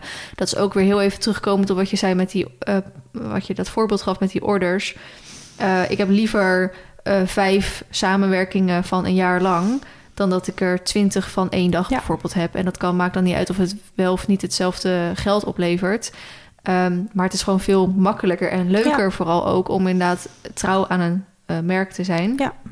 Nou ja, ik, een goed voorbeeld is denk ik fotocadeau. Ja. Ehm, weet je, dat contact gaat zo soepel en snel en eh, is zo leuk en kunnen we schakelen op het laatste moment. En oh, er wordt toch nog even een kortingsactie doorgezet, want Ja. hij is zo succesvol. Ja. Ehm, en, en ik denk dat het voor een bedrijf heel goed werkt, die snelle schakeling. En Mhm. ik denk dat het, eh, omdat het zo lang doorloopt, dat, ja, dat al je volgers daar ook wat aan hebben. Want Ja. er komt vast alweer een leuke actie voorbij. Ja, maar die zit echt van, wanneer komt er weer een actie? Ja, ja. en Ja. eh, dus met Horse precies zo, denk ik. ja, ja. Ehm, Maar we doen ook echt wel eens een keer een eenmalige. Want ik weet heel goed van vorig jaar. Toen eh, wilde National Geographic voor de wereld... Wereld nog iets Ja, zoiets. En dan vroegen ze of ik mij ja, de, een foto wilde plaatsen van waar ik nou echt gelukkig word. Of wat echt mijn favoriete plek op de Ja. aarde eigenlijk is. Of in Nederland. Nou, toen hadden we net het huis gekocht. Dus toen had ik Marley hiermee naartoe genomen. En dan zaten we zo samen in de wei. Ik denk, nou, dit is denk ik op dit moment even mijn favoriete Ja. plek in de wereld. Ja. En daar heb ik één post over gemaakt. En misschien één story. En dat was voor dan even genoeg. Maar dan is het ook heel goed in te passen. Ja. Dan is het goed in te passen om eventjes dat als eenmalig iets te Ja, doen. maar als inderdaad National Geographic komt vragen van... joh, wil Feline iets doen? Dan zal ik geen nee zeggen, zeg Nee, maar. Want precies. dat zijn vaak wel... Je, daarvan heb ik zelf al het beeld van... oh, natuur, eh, rust, ruimte, eh, lucht, Ja. basic. Ja, je, dat past bij jou. Ja. Dus daarvan heb ik eigenlijk gelijk al gezegd... oh ja, ik denk wel dat ze hier enthousiast over is. Ja. Wat zijn jullie precies van plan en onder welke voorwaarden? En ben ik daarna pas naar jou gegaan van... joh, Ja. ik denk dat dit een heel leuk plan is. En dan nou ja, moet het voor mijn idee wel heel gek lopen Ja. als dat niet zo is. ja. Ehm, En even een voorbeeld van iets dat bijvoorbeeld niet werkt. ehm, zonder natuurlijk naam of zo te noemen. Maar je hebt ook een paardengame bijvoorbeeld voor op de laptop. Ja. en dat is gewoon iets wat ik niet doe. Ik vind, ik doe zelf, doe ik dat niet. Eh, ik vind het ook niet bij mijn doelgroep passen. En dan vind ik wel, kijk, het, am- dan vind ik het ook niet meer zo van uitmaken hoeveel ja, geld er tegenover staat. Stel, ze hadden gezegd, eh, eh, een soort van de hoofdprijs gegeven of zo. Dan denk ik, ja, maar dan vind ik het dus nog steeds niet passen bij mijn doelgroep en wat ik doe. En dan vind ik het dus het niet waard om te doen. Want ik vind dat ik daar dan de connectie met mijn volgers mee verlies. Of misschien Ja. een stukje vertrouwen zelfs verlies. En dat is gewoon het allerbelangrijkste. Ja. Natuurlijk, soms dan zit je ook ergens een beetje over te twijfelen. Maar dan denk je, nou, ik denk als ik het zo en zo doe, dan past het wel. En als het dan, nou, ook eerlijk eerlijk, gewoon genoeg oplevert, dan eh, doe je Ja. dat voor een keer. Want dat geld kan je ook weer gebruiken voor investeringen in je kanaal. En noem het maar op. Dus soms dan moet je dat ook echt wel een keer even tussendoor doen. Of moet niet, maar kan het prima tussendoor. Ehm, maar de- ja, wat ik zeg, elk bedrijf, elk dienst, elk product, dat wordt echt per ehm, als echt, echt als een individu bekeken. Ja. Eh, past Ja. het? En oké, en, en hoe- als we dan hebben besloten, het past, hoe gaan we dan verder? nou ja, dan is het inderdaad van... Joh, hoe lang gaan we die samenwerking maken? Want één is geen in marketing. Ja, daar ben ik van gewoon echt van overtuigd. Als je geen herhaling hebt, dan, dan heb je gewoon niks. Eh, nou heeft een National Geographic, die heeft herhaling op andere kanalen. Dus daar hoef je niet zo heel bang voor te zijn. Maar kleinere bedrijven, die hebben er gewoon niks aan om één post bij jou te doen. Of Nee. één story. Of, ehm, dus dat moet een langer traject zijn. En daarnaast vind ik het andersom ook zo. ehm, als we dat niet hebben, die instelling, dan word je ja, grote lopende reclamecel. Ja. Eh weet je, een telcel. telcel is er niks bij.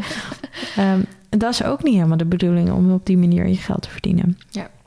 Dus het moet aan allebei de kanten, het mes moet aan allebei de kanten snijden. En eh, weet je, we hebben vaak te maken met startende bedrijven. Dus dan vind ik het ook eh, fijn om te zeggen van nou, we bieden ook de mogelijkheid om mee te groeien. Dus Ja. we starten laag, maar we kunnen uiteindelijk doorgroeien naar iets meer. En dan eh weten ook dat dit een, een actieperiode is om jou de kans te geven om daarmee te groeien Ja. en te starten Ja. en dat soort dingen. Ja, zeker voor startende ondernemers, zeker in coronatijd, Ja. toen de tijd, hebben we dat best wel veel gedaan. Eh, kan zo'n investering als best wel veel geld zijn, maar dan, en dan hoopt diegene natuurlijk dat het eruit komt ook. Ja, En dat moet dan eerst even ondervonden worden. En dat snappen wij natuurlijk ook. Ja. Eh, zo zijn er ook wel eens andere influencers die dat niet doen. En die kregen wij ook best wel eens naar ons toe. Hè? En die zeggen dan Ja. van, oh, we hebben ook bij die eh, geraadpleegd. En die vroeg gelijk dit en zo. En dan Ja. denk ik, ja, maar het moet een beetje voor allebei moet het leuk blijven. ja, nou ja, en dat is het denk ik. Want dan krijg je echt, wij noemen het ook samenwerkingen. Ja, En het is ook echt een Ik samenwerking. zeg ook nooit eh, mijn sponsor of zo. Nee. Nee, ik, wij noemen altijd samenwerking of partner of iets in die richting. Ja, maar zo moet het ook voelen. Je gaat samen een pad op om iets te promoten. Of Ja. weet je, en jij wordt blij van het product.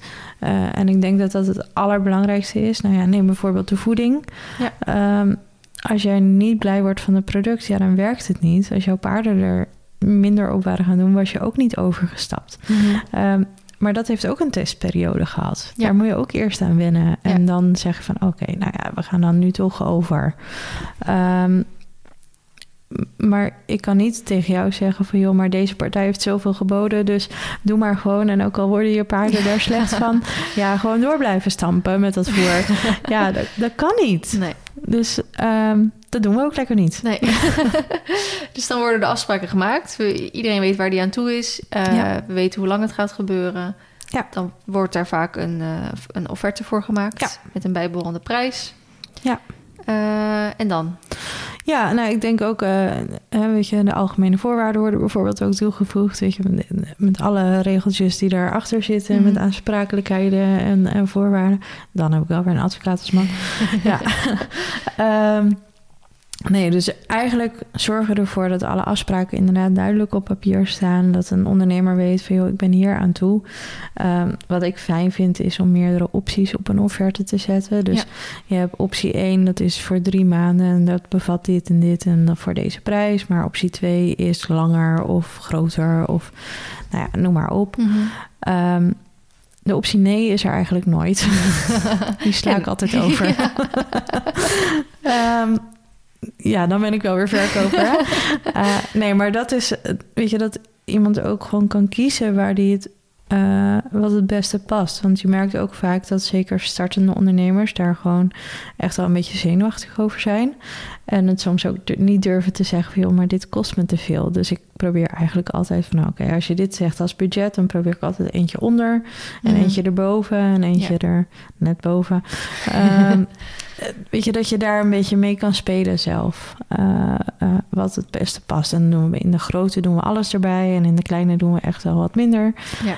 Um, maar wel dat, dat iedereen de kans heeft om even te testen. Ja, ja. ja. En dan nou, akkoord. Nee, eigenlijk altijd wel. Vaak wel, ja, want anders waren we niet eens op dat stadium terechtgekomen. Nee, dus precies. Dat, uh... ja, en dan gaat het meestal beginnen natuurlijk. Dat ligt natuurlijk aan wanneer je hebt afgesproken wanneer het begint en wie waar eventueel een eerste stap voor nodig hebt en bla bla bla. Ja. Tussentijds hebben we heel vaak contact van nou, hoe bevalt het tot nu toe? Moeten we nog ergens bijgestuurd worden? Uh, we zitten in de paarden, dus alles nou ja, meestal dan, dan loopt het wel volgens schema, maar ook wel eens niet. Als een paard geblesseerd raakt bijvoorbeeld, of iets anders. Het is nog wel eens afhankelijk van het weer. Ja, precies. Moet ergens een foto van gemaakt worden. Denk ja, maar het regent de hele dag buiten. Ja, dat wordt toch ook een beetje lastig. Uh, dus soms moet even bijgestuurd worden. Maar ja, we hebben bijna met iedereen altijd wel app of eventueel mailcontact. Dus dat kan ook altijd wel. Als het maar opgelost wordt en iedereen weer tevreden is met het. Uh... Ja, nou ja, weet je, en het fijne van met jou samenwerken is, je bent heel erg uh, punctueel. In mhm. ieder geval heel erg consequent in het uitvoeren van wat je moet doen. Want dat, ja, dat is altijd, nou, als leidinggevende, zeg maar, in een leidinggevende functie is dat altijd een beetje spannend. Van, joh, gaat iemand echt doen wat jij, mhm. wat jij als verkoper het belooft dat er gaat gebeuren? En ik ben er nog nooit tegen aangelopen dat dat niet zo is. En in sommige gevallen wel, maar ja, dan kan ik ook heel rustig diegene opbellen van, joh, maar ja, dan moet er iets misgegaan zijn. Ja. Ehm, of inderdaad, uh, qua schema's. Nou ja, met Liefde voor Paarden, die heb je pas geleden al genoemd. Ja. Waren de schema's zo overvol dat het uh, af en toe nog wel eens misliep. Nou ja, dan ja. zit ik daar ook tussen. Ja. Um, en en natuurlijk, het kan ja. altijd ergens een keer vergeten worden. Ja. Of uh, per ongeluk ja. uitgesteld worden of wat dan ook. Maar als dat maar gecommuniceerd wordt en later ingehaald wordt. En ik vind het absoluut ook van, kijk, die mensen betalen mij uh, voor dat. Denk ja, maar als ik dat dus niet doe, dan moeten ze of hun geld terug hebben of vermindering. Of, uh, maar dan krijg je ook misschien ook weer ne negatieve verhalen natuurlijk van in de wereld. Want bedrijven onderling, die praten ook. En ik zou het vreselijk vinden als het ene bedrijf een negatieve ervaring met mij heeft en het andere bedrijf zegt: hey, wij willen misschien ook met vrienden samenwerken. Hoe is dat bevallen? Van ja, die komt de afspraken niet na of dit of dat. Weet je wat? Denk ja, dan zit ik alleen maar in mijn eigen. Nou ja, en pas geleden, uh, wanneer was het? Ik denk vorige maand dat wij in een online gesprek zaten. Dat iemand zei: van, joh, oh, ik heb met die geprobeerd, maar dat was zo onprofessioneel. En dan een week later kreeg ik een keer een appje van: oh ja, dat doe ik wel. En uh, kijk wel eventjes. En uh, als je maar betaalt, kwam het eigenlijk op neer. Mm. En dan denk ik: ja, ja, nee, zo. ja, zo. Ik kan me voorstellen, namelijk als jij dat zelf zou doen, dat dat wel zou gebeuren op sommige momenten. En omdat je mij ertussen hebt gezet, ja, dan, dan blijft. Dit is mijn werk. Ik noem Miranda ook wel eens de bodyguard. uh, ja, maar dit is wel vaak als je bijvoorbeeld, als stel, je hebt een, eh, een, eh, een Justin Bieber, ik zeg even wat. Ja. ik vergelijk je niet met de manager van Justin Bieber, mezelf met Justin Bieber. Helemaal prima. Ja, ja. Die ken ik wel trouwens. die loopt over straat.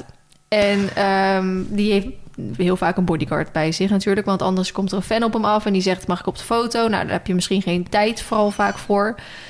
Uh, zin in, dat ligt er dan weer vaak aan. En dan zegt de bodyguard vaak van... Uh, nee, Justin kan niet, hij moet door.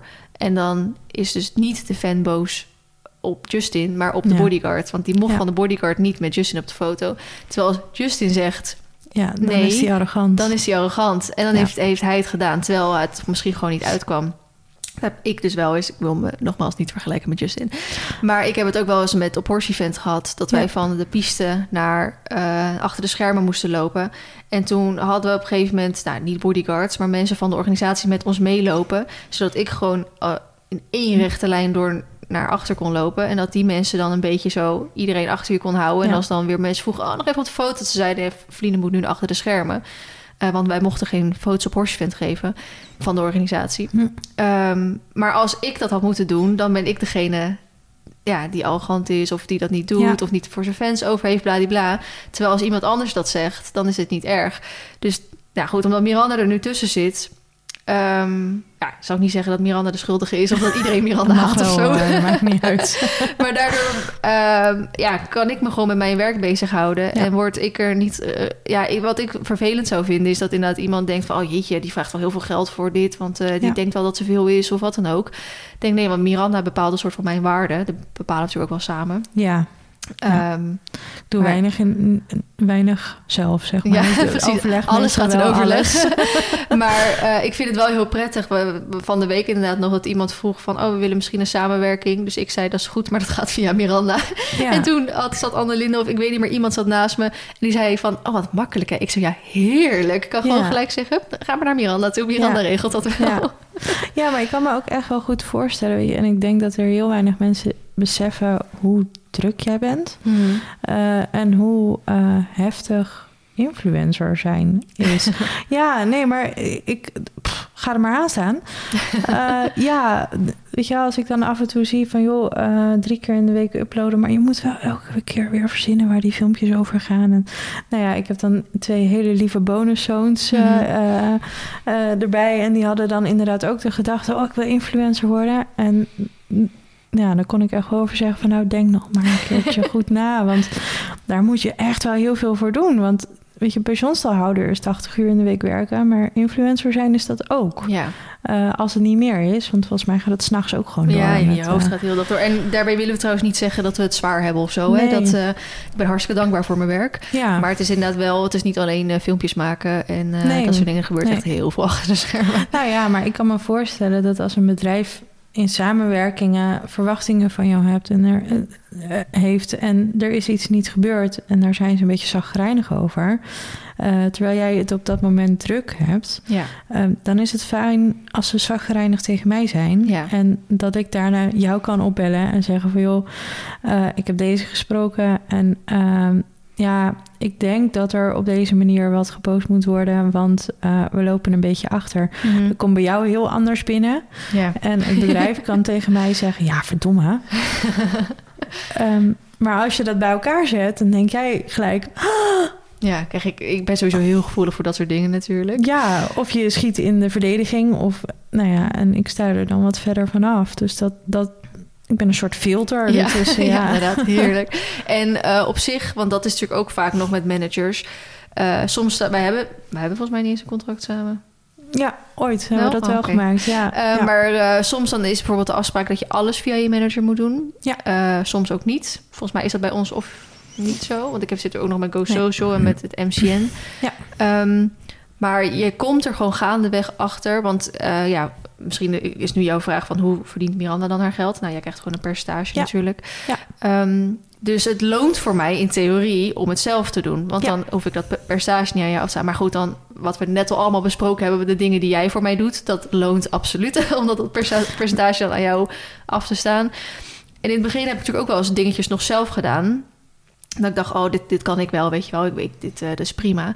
Maar ehm, het, na jarenlang samenwerken is het gewoon fijn. Gewoon fijn als alles via één persoon loopt. Dat je over alles met iedereen... want dan is het niet zo... als ik misschien straks dan toch een probleem met dat bedrijf krijg... op wat voor reden Ja. dan ook... heb jij er nooit tussen gezeten. Dus dan is het ook weer een soort van raar om jou wel ertussen te zetten. Ja. Of, ehm, snap je? En maar ook... Dat, je moet natuurlijk wel een beetje een richtlijn aanhouden qua bedragen. Ja. En wij, nou, we overleggen altijd de bedragen. Maar het is natuurlijk raar dat als ik in mijn eentje iets oppak... dat ik in één keer een heel ander tarief ga rekenen... ja. dan als het via Miranda loopt. Ja. Nou ja, en weet je, daar, daar zijn we ook gewoon eerlijk in. Hoe, hoe de tarieven lopen. Dus als iemand mij opbelt, joh, ik wil één story, dan zeg ik gewoon het bedrag of één post. Uh, maar dan zeg ik er ook bij van ja, maar weet je, dit is niet waar wij op uit zijn. Uh, wij zijn uit op langdurige samenwerkingen, want nou ja, ik vind dat gewoon voor, voor iedereen beter. Mm -hmm. maar dat betekent wel dat die prijzen aangepast worden naarmate je meer neemt afneemt. En um, dat is een beetje de speelruimte die we zelf creëren. En dat klinkt heel gek, want je hebt een vaste prijslijst. Um, maar als jij een samenwerking heel erg leuk vindt en de spullen heel erg leuk vindt, ja, dan kunnen we ook zeggen van ja, oké, goed, dan doen we het maandbedrag iets langer, maar dan doen we de periode bijvoorbeeld uh, ja. uh, langer. Um, dus dat zijn wel de, nou ja, dat vind ik de uitdagingen dan zeg maar om het. Uh, uh, om het mooiste eruit te krijgen voor iedereen, voor alle partijen. Ja. En uh, als een bedrijf zegt, ja, jeetje, bij mij zijn alle verkopers op vakantie of ik ga zelf met vakantie, uh, kan het even een maandje niet? Ja, ja, ja want het is het, uh, bij sommige bedrijven hebben, waar we het eerder over hebben gehad, gaat het echt om omzet. omzet. Anderen ja. gaat alleen om naamsbekendheid. Nou, anderen hebben weer andere dingen. Maar de, we hebben echt samenwerkingen ertussen zitten, vooral die wat, waarvan het bedrijf wat kleiner ja. is. dat als ik iets post, dat diegene dan gelijk een soort maandrecord aan omzet heeft. Ja. Of een dagrecord of ja. wat dan ook. En dan moet diegene dat wel aankunnen. Ja. Dus we moeten echt soms een beetje tactisch van... oké, dan gaan we posten. Hou er rekening mee. Want dan moet je of genoeg voorraad hebben... of genoeg tijd hebben. En zeker als iemand op vakantie gaat... Ja, dan moet diegene ook even tegen ons zeggen... joh, ik ga op vakantie, dus even niet posten graag. Want anders dan kloppen de orders niet meer. Of voor een kerst bijvoorbeeld. Uh, van, ja, je moet echt maximaal voor uh, die tijd iets doorgegeven hebben. Want anders kan ik het orders ja. niet meer op tijd voor kerst wegkrijgen, ja. weet je wel.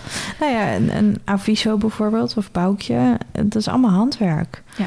Uh, dus als die in één keer op één dag uh, 100 bestellingen krijgen, nou, uh, dan zit je aardig te knutselen de hele week. ja. En als je dan een belofte hebt dat je binnen drie dagen iets geleverd hebt, ja, dan is dat niet meer haalbaar. Nee. Dus dat is ook een beetje waar wij ja. heel voorzichtig mee moeten ja, zijn. En, en ook wat dan weer terugkomt, dan moet je het verspreid hebben. Ja. Dan heb je liever één keer in de maand zo'n moment dan drie keer in één week. Ja. Want dan red je het inderdaad gewoon niet meer. Dus dan, uh, en nou ja, de intensiteit van de samenwerkingen.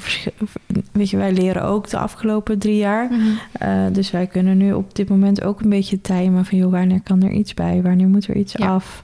Wanneer is het wat rustiger en drukker inderdaad. Precies, ja. Soms dan heb ik, dan zeg je van, oh, is dit niet leuk? En denk ik, oh, ik zit echt even vol hoor. Ik weet echt niet waar ik al die samenwerkingen kwijt moet op het moment. En dan zeg jij, dan, uh, ik heb ook wel eens van dat, zeker als je een van mijn laatste podcasts hebt gehoord, dat ik Miranda dan app uh, Miran, wanneer krijg ik weer uitbetaald?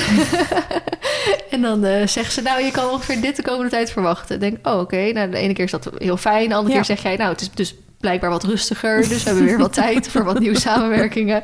ja, het droogt op. Het, uh, ja.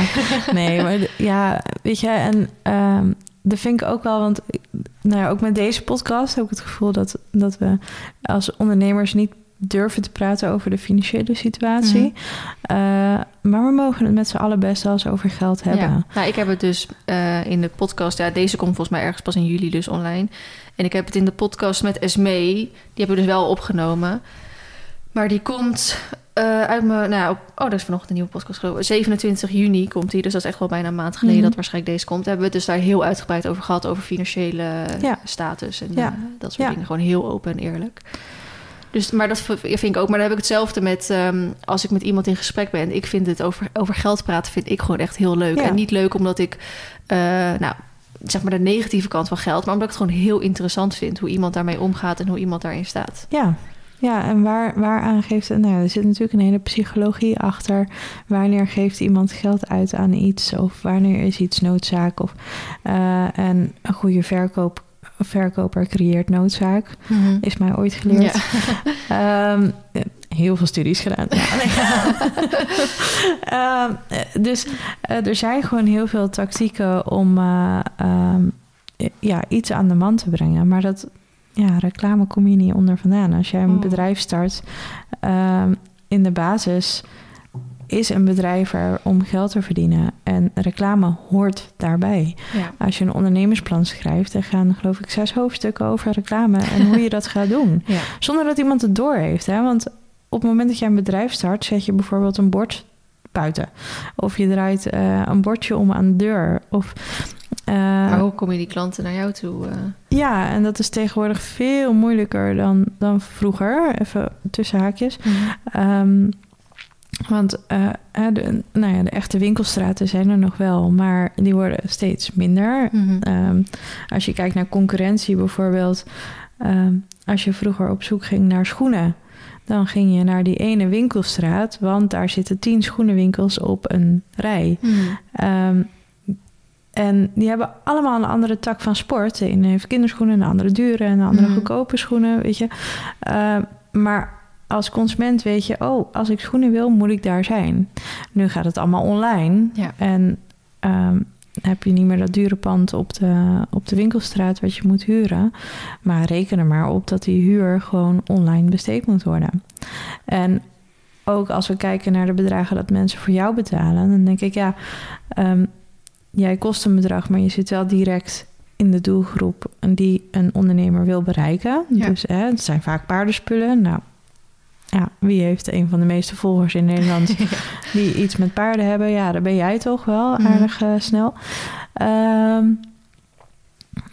maar geef je dat niet op dat, die manier uit, dan eh, moet je dat aan AdWords of aan bannering of aan, nou, Ja.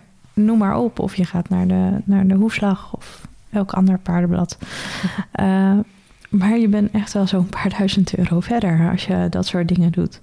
Ehm, en dat doe ik ook als horse business. Mhm. Eh, maar wat ik merk is dat jij gewoon wel een van de interessantste kanalen hebt. Omdat.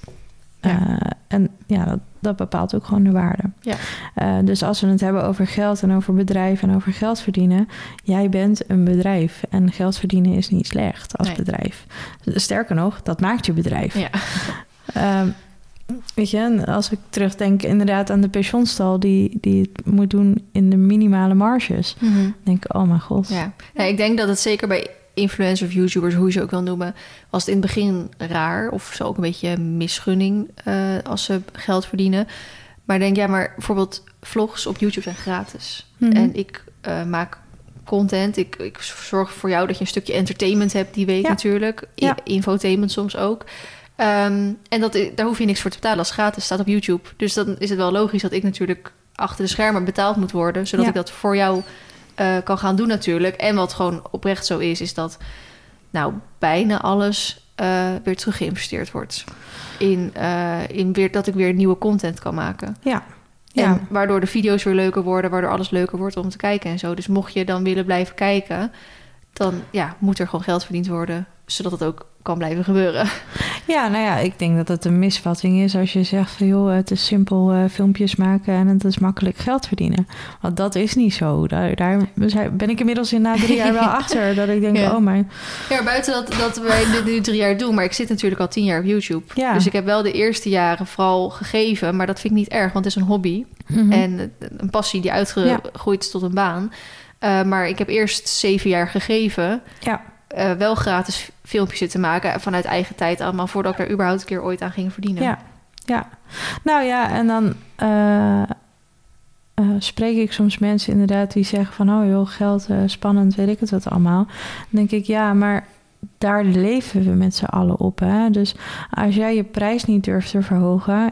ja, dan doet iemand anders het wel, of misschien ook niet. En prijst hij zichzelf dan aan, uit de markt. Nou, we, we, hebben nu volgens mij transportkosten die echt de pan uitreizen. Mm. Um, en vervolgens zegt een ondernemer: Ja, maar ik durf mijn prijs niet omhoog te doen, want er wordt mijn product niet meer verkocht. Dan denk ik: Ja, oké. Okay, maar je verdiende al bijna niet zo heel veel, toch? Mm. Hoe ga je dit dan doen? Mm. dit, dit lukt niet meer. Um, weet je, als jij uh, stro in moet kopen wat ineens 100 euro duurder is, omdat er transportkosten bijgerekend moeten worden, dat moet doorgelegd worden. Want anders Ja. moet die pensioenstalhouder betalen Ja. om jou op zijn erf Ja. te hebben. Daar gaat nergens over. Nee, nee klopt.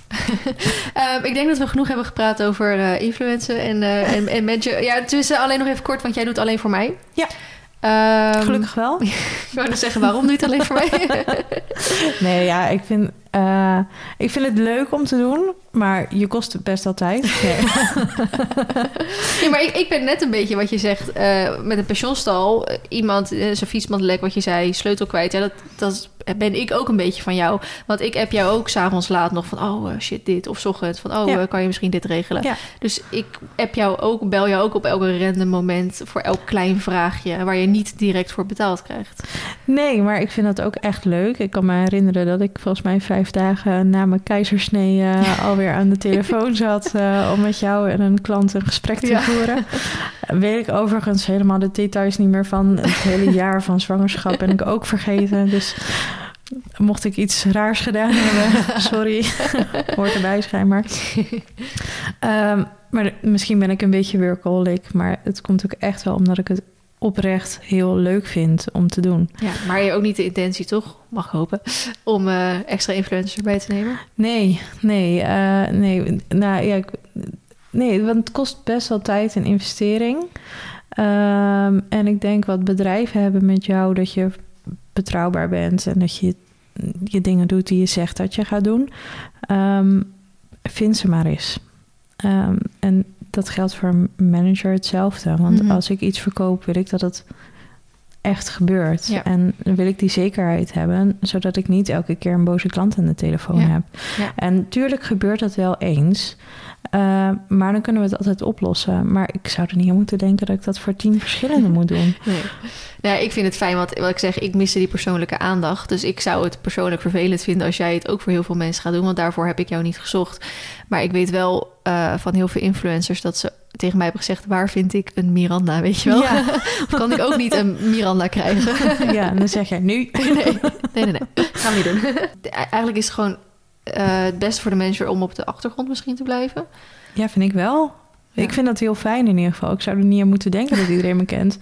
nou, ik ga dit jaar wel mee naar Horse Event. Maar eh, ehm, ja, ik ben blij als ik niet in jouw eh, schoenen sta... Dat, eh, dat ik door mensen heen geleid moet worden. om- nee, daar staat ik wel hoop tegenover. Maar ehm, nou goed, genoeg over daar. En niet omdat ik daar niet verder over wil praten, maar omdat we al een uur en een kwartier bezig zijn. Nee, Ja. echt? Jemig. Ik was hier zo zenuwachtig voor. Eh, want ja, buiten het is wat jij voor mij doet, doe je dus ook nog heel veel andere dingen. We hebben het al een paar keer voorbij horen komen. Ondernemersplannen, Ja. marketingplannen. Ja. Eh, zullen we daar nog even een stukje over... eh, en we hebben ook nog wat vragen natuurlijk, die Ja. we graag beant- Ja, beantwoord anders moet willen ik gewoon een keer terugkomen over de ondernemersplannen zelf. Ja. ja, mag ook. Zullen we dat anders doen? Oh, dat vind ik ook goed. Want dan Ja, gaan we hoor. gewoon een hele podcast wijden. Want je hebt natuurlijk nog... eh, jij hebt bijvoorbeeld op jouw website... eh ondernemen in de paarden, het schrijven van een bedrijfsplan. Ja. Ja. Eh, daar wilden we het eigenlijk graag over hebben... dat we heel dat bedrijfsplan doorgingen. Zodat mensen in deze podcast ook nog echt wat leren. Ja, ja. En heeft dan nog een kortingscode voor, voor het bedrijfsplan konden geven. Maar dat is misschien zonde als we dat nu heel kort en vluchtig gaan bespreken. Eh, weet je, een bedrijfsplan schrijven kost zo'n tien uur. Maar ik denk dat er over praten dat we ook zo een uur verder zijn, Ja. inderdaad. Dus als jij zegt dat eh, dat gaan we doen, vind ik hartstikke leuk. Komen we een keer terug. Zullen we naar de vragen gaan? Ja. Oh, wat schattig dit. Iemand vraagt... Hoe gaat het? Ja, de- deze vraag gaan echt alle kanten op. Hè? Ja, ik ga ja, ja. niks, eh, niks eh, voorbereiden. Eh, hoe gaat het met je baby? En wat vond je van het cadeautje wat Feline heeft Oh, gegeven? wat dat is toen die namenslinger. Ja, nou, die hangt dus boven op zijn kamer. Nee, ja, dat gaat hartstikke goed met hem. Hij is inmiddels een jaar en twee maanden. En ja, het klopt. Ik ken vandaag Joop pas drie jaar. Dus het is echt allemaal snel gaan. Mm. Eh, nee, het is echt eh, ja, de, de grootste liefde van mijn leven. Nou. Ja. ja, wat ik doe, nou, ik vlog natuurlijk eh, ongeveer heel mijn leven, maar ik heb volgens mij dat cadeautje toen ook gevlogd. En toen heb ik er heel veel reacties gekregen van mensen, oh, waar laat je dat maken en bla bla. En volgens mij heb ik ook toen gezegd dat het voor jouw babytje was. Ik heb dus echt geen idee. Hè? Ook dat ben ik dus echt vergeten. Ik weet dat ik hem heb gekregen. Ik weet dat ik hem op heb hangen en dat hij van jou komt. Maar ik heb geen vlog gezien. Ik heb geen... Maar misschien dat is, is dat, ik denk dat het ook misschien een soort soms beter is dat jij alles regelt. En je ziet natuurlijk ook echt wel eens wat dingen. Maar je gaat niet alles kijken en niet alles luisteren. Nou, ik doe dat wel steeds vaker hoor. Maar dat komt eigenlijk omdat we steeds meer samenwerkingen hebben. Mm. Het is echt wel gegroeid de afgelopen drie jaar. Ehm, en nu, weet je, zo'n maandagochtend zet ik gewoon vaak de tv aan en dan luister ik alles wat je zegt. Ehm, maar dan ben ik ondertussen wel aan het werk. Dus dan zit ik wel de offertes te maken. Ja. Precies. Ehm, nou, heb je zelf ook iets met paarden? Hebben we natuurlijk wel redelijk besproken, maar we hebben het nog niet over jouw eigen paard gehad. Nee, Amelida. Ja, Ja. mijn eh, 17-jarige eh, Jess Mary. nee, dat is echt Waar het mijn, eh, nodige mee is meegemaakt. Eh, ja, die heeft wel blessures gehad, maar dit, was, dit is wel echt mijn, eh, mijn toppaard, zeg maar. Mhm. Hier heb ik geen spannende dingen meegemaakt. Ik heb niet, eh, weet je, vroeger deed ik inderdaad op de manege springen zonder zadel en allemaal van dat soort gekke Mhm. dingen, maar dat is met deze niet. Hier, dit is echt gewoon mijn maatje. Mijn, Ja. mijn zelfstandige heks noem ik haar altijd. Want ze heeft wel een hele grote eigen mening en wil. Maar ze doet wel alles voor me, dus dat Ja. is echt... Ze is nog steeds goed nu, toch? Ja, ze loopt echt als een trein. Ze, is, eh, ze had artrose. Oh nee, heeft ze nog steeds. Eh, maar ze is daar bij de Lingenhoeven voor ingespoten door eh, Katja. Ehm, en sinds die tijd, nou, ik heb er nog nooit zo goed gehad. En we gaan weer wedstrijden Ja, ga je weer starten? Ja, in, gelijk ja, in set? Of Ja. ga je... Ja. Spannend. Ja, ja. Kunnen ja we vind ik ook hoor. gaan. Vind ik echt heel spannend. En, ik eh, ook. Ik heb donderdag een wedstrijd en ik heb nu al hartkloppingen. Echt? Oh nee, ik, dat heb ik hopelijk niet meer, want daar was ik echt wel vanaf. Ja. Eh, elke twee weken wedstrijd starten, dat ja, scheelt. dan scheelt het wel. Ehm, maar eh, nee, ik hoop dat ik daar niet meer in terecht kom. ik vind het wel weer leuk. Ja. Waarin onderscheidt verdienen zich in vergelijking met andere paarden influencers? influencers? Hmm, ik denk dat we dat al wel goed hebben gehad. Ehm, ik denk dat de professionaliteit die je hebt en uitstraalt, ehm, ook richting bedrijven, eh, dat dat echt onderscheidend is. Ja. En wij doen vaak ook eh, best wel een stukje evaluatie. Ja. Dat is wat wij, wat ik vanuit een andere hoek eh, heb gehoord. Ja. Is dat zij zeiden van wij, wij, wij weten dat sommige bedrijven niet met influencers willen samenwerken. Omdat ze het missen dat je ergens geld in stopt en niet weet wat je ervoor terugkrijgt, zeg Ja. maar. En daarbij zorgen er wel voor dat je achteraf hoort. Nou ja, op zijn minst de weergave, de likes, Ja. dat soort de reacties die we hebben gekregen. Nou ja, ik vind het wel grappig, want ik ben natuurlijk ook bezig met de bannering en de AdWords en dat soort zaken. Ehm, en daar zijn rapportages gewoon heel normaal. Ja. En eigenlijk deed ik dat voor jou altijd meenemen in dat hele ding. Dus voordat jij het had over, oh ja, maar mensen hebben rapportages nodig, dan dacht ik, ja, dat klopt. dat doen we ook. Ja. ja. Want anders verkoop ik namelijk niks meer daarna. Nee. Want dan kan je niet laten zien dat het echt wat heeft opgeleverd. Ja. Uh, nu zijn de rapportages met alle dank aan Anne echt mega. Ja. En uh, Ja. ik zou willen dat ze dat ook voor mij zou doen, voor alle andere takken. Ja, Ehm. maar dat is wel nog iets. Dat, dat ehm, Anne, ik werk maar anderhalve dag in de week natuurlijk. En die doet de podcast. En die doet nu ook heel veel. We gaan natuurlijk straks die nieuwe cursus weer lanceren. Waardoor dan bijvoorbeeld dat soort dingen er weer bij inschieten. Dus een evaluatie hebben we een tijdje gedaan dat we dat echt fanatiek dan als een, een uh, samenwerking afliep, dat we dat helemaal netjes gingen Ja. opmaken. En dan was die klant daar super blij mee. Maar dat is nog wel iets waar bij ons of bij mij of bij Anne en mij verbetering in is. Of nou ja, verbetering. We missen soms een beetje de tijd, zeg maar. Of Ja. Anne mist de tijd om Ja. daar, want ze is daar echt wel een paar uur mee bezig. Ja, en ik had, weet je, voor sommigen vraag ik het wel. Anderen zijn gewoon super tevreden. En doe ik dat met de analytics. Ja. Uh, en omdat daar dan meerdere dingen lopen, want het is soms zo dat het ook gecombineerd wordt met een ander product, Mhm. uh, wat het ook weer heel sterk kan maken. Um, en dan neem ik dat gewoon mee in die analytics zelf. Uh, en maak ik daar gewoon zelf even een mooie rapportage van. Uh, en in sommige gevallen vraag ik het wel aan Anne, dan weet jij er helemaal niks vanaf. Hier vraagt trouwens iemand, ik dacht dat Go Social je management deed. Nou, volgens mij hebben we dat nu al een beetje besproken. Ook nog wel, maar... Minder intensief, denk ja, ik. veel minder intensief. Ja. Iemand vraagt, waar haal je de tijd vandaan? Ik? Ja. nou, ik ben eigenlijk gewoon huismoeder. uh, nee, ja, waar hou ik de tijd vandaan? Ik denk dat ik uh, 24 uur per dag, 7 dagen in de week werk. Mm -hmm. En kan werken en aan werk denk. En um, ik denk dat ik op dit gebied een beetje hetzelfde heb als jij. Ik vind het zo leuk om te doen. Het ja. voelt niet als werk. Ja, precies. Als het voelt als werk, zou ik niet vijf dagen na mijn bevalling inderdaad zo'n zo'n gesprek inplannen. En weet je, voor mij is het hetzelfde als, als, als het lezen van een boek. Mm -hmm. En dat doe ik dus niet. uh, ik uh, werk, ik maak offertes in ja. die tijd. Ja. Ja. Ja, ik, ik ga dan gewoon lekker editen of zo, weet je wel. Ja, dat vind ik nou, echt dat. lekker uh, heerlijk. Ja. wat vind jij het leukste van je werk?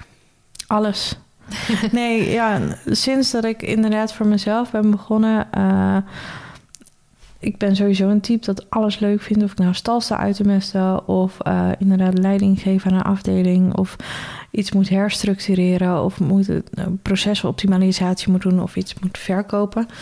Um, ik vind alles leuk. en dat is ook gelijk mijn probleem. Want als ik te lang hetzelfde doe... Ik zou dus niet kunnen doen wat Joop doet. Ja. Weet je, die zit altijd...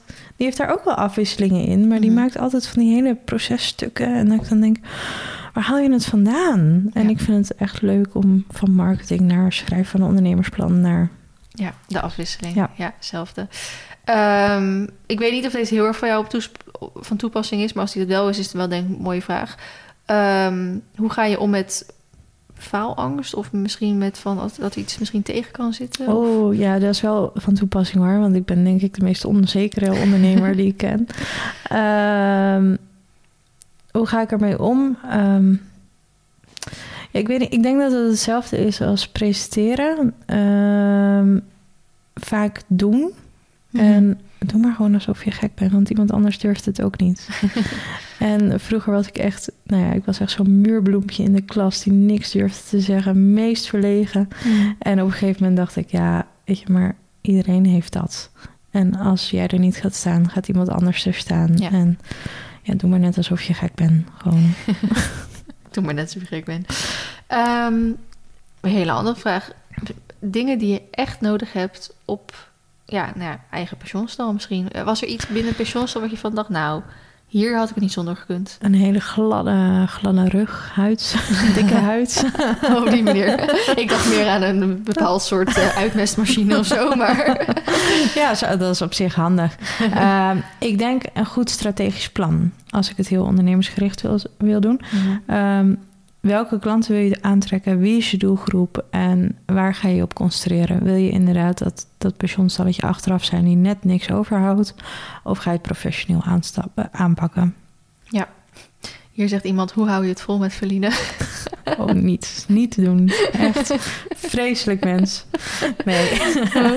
nee, nee. Ja, volgens mij het gaat vlekkeloos Ja. eigenlijk. Het gaat vanzelf. Ja, heel erg vanzelf. Ja, ik doe er niet mijn best voor om daarmee om te gaan. Ik heb er nog nooit eens echt bewust over nagedacht, zeg maar. Nee, ik denk ook dat je dat niet moet doen. Nee, en eh, ik denk dat het een voordeel is dat ik je helemaal niet kende. Dus ik heb je ook niet op een voetstuk kunnen plaatsen. Oh ja, nee. Dat ik dacht van, oh ja, maar dit is Verline. En moet ik daar Ja. iets mee of word ik er zenuwachtig Ja, van? ja, ik word Nee. gewoon be- behandeld zoals, ik, zoals een normaal mens. Zeg maar, wat ook heel ja. ja Was je dat niet? Jawel, nee, maar dat, dat is juist heel veel mensen niet doen. Ja, Want die plaats je wel Ja. op zo'n voetstuk inderdaad. Ja. En dan zeg ik altijd van jongens, ik ben ook maar normaal. ja. Ik doe ook gewoon boodschappen. Ik ga ook naar de wc. echt waar. Ehm, ja, oh, echt daar hou ik echt niet zo. Wat is het gekste wat je ooit met vrienden hebt meegemaakt? Oh, jeetje.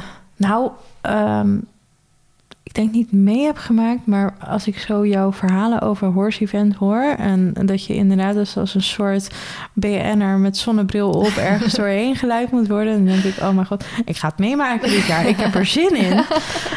Ja, echt Ja, dit heel... jaar is anders, hè? Ik moet eh, presenteren alleen. Maakt Dus niet ik- uit. Maakt niet uit.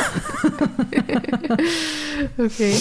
Ehm, ik zit even te scrollen. Hier zegt bijvoorbeeld iemand... hoe reageerde je op het verhaal van... oh, pas nu ik hem hardop voorlezen... hoe reageerde op het verhaal van een paar podcasts geleden... van die Insta-story toen met dat paard, weet je wel? Met die open mond. Oh, Toen, toen was jij natuurlijk... Ik heb voor de rest... Ik heb het al in de podcast benoemd... maar ik heb geen namen genoemd. Ik heb het gewoon heel even verteld wat er was gebeurd. Maar ook verteld dat, het- dat iemand dus jou weer had Ja. gebeld... en dat jij weer Ja. mij had gebeld en zo. Ja. Ehm, nou, ja, ik probeer daar nooit eh, heel heftig op te reageren. Want dan denk ik, ja, ehm, ik ken jou een beetje en ik snap dat je dat niet zomaar ergens opgooit. En mm, ja, het echte shamen, volgens mij eh, past dat helemaal niet bij jou. Nee. Ik kan me ook alweer voorstellen dat het bij diegene zo is overgekomen. Dus ehm, ik probeer daar altijd een beetje ja, een, een Zwitserland in te zijn. Ehm, maar ik denk dat dat eh, over het algemeen zo is. Met alle belletjes die ik krijg. Dan denk Ja. ik nou, ik kan me niet voorstellen dat het zo is bedoeld. Ja. En dat zeg ik dan eigenlijk ook gelijk. Maar Dat- ik ja. ga het uitzoeken. Ja. Ik kan er verder ook niet zo heel veel mee. Nee, ik had het letterlijk vanochtend weer. Ik had vannacht, omdat ik laat thuis was gisteren, wat stories geplaatst over ehm, eh, met je als volwassen persoon met, met een pony tussen de paarden springen. En toen kreeg ik daar alweer een reactie over van... nou, ik vind het alleen maar een goede regel... eh, dat dat niet Ja. kan en bladibla.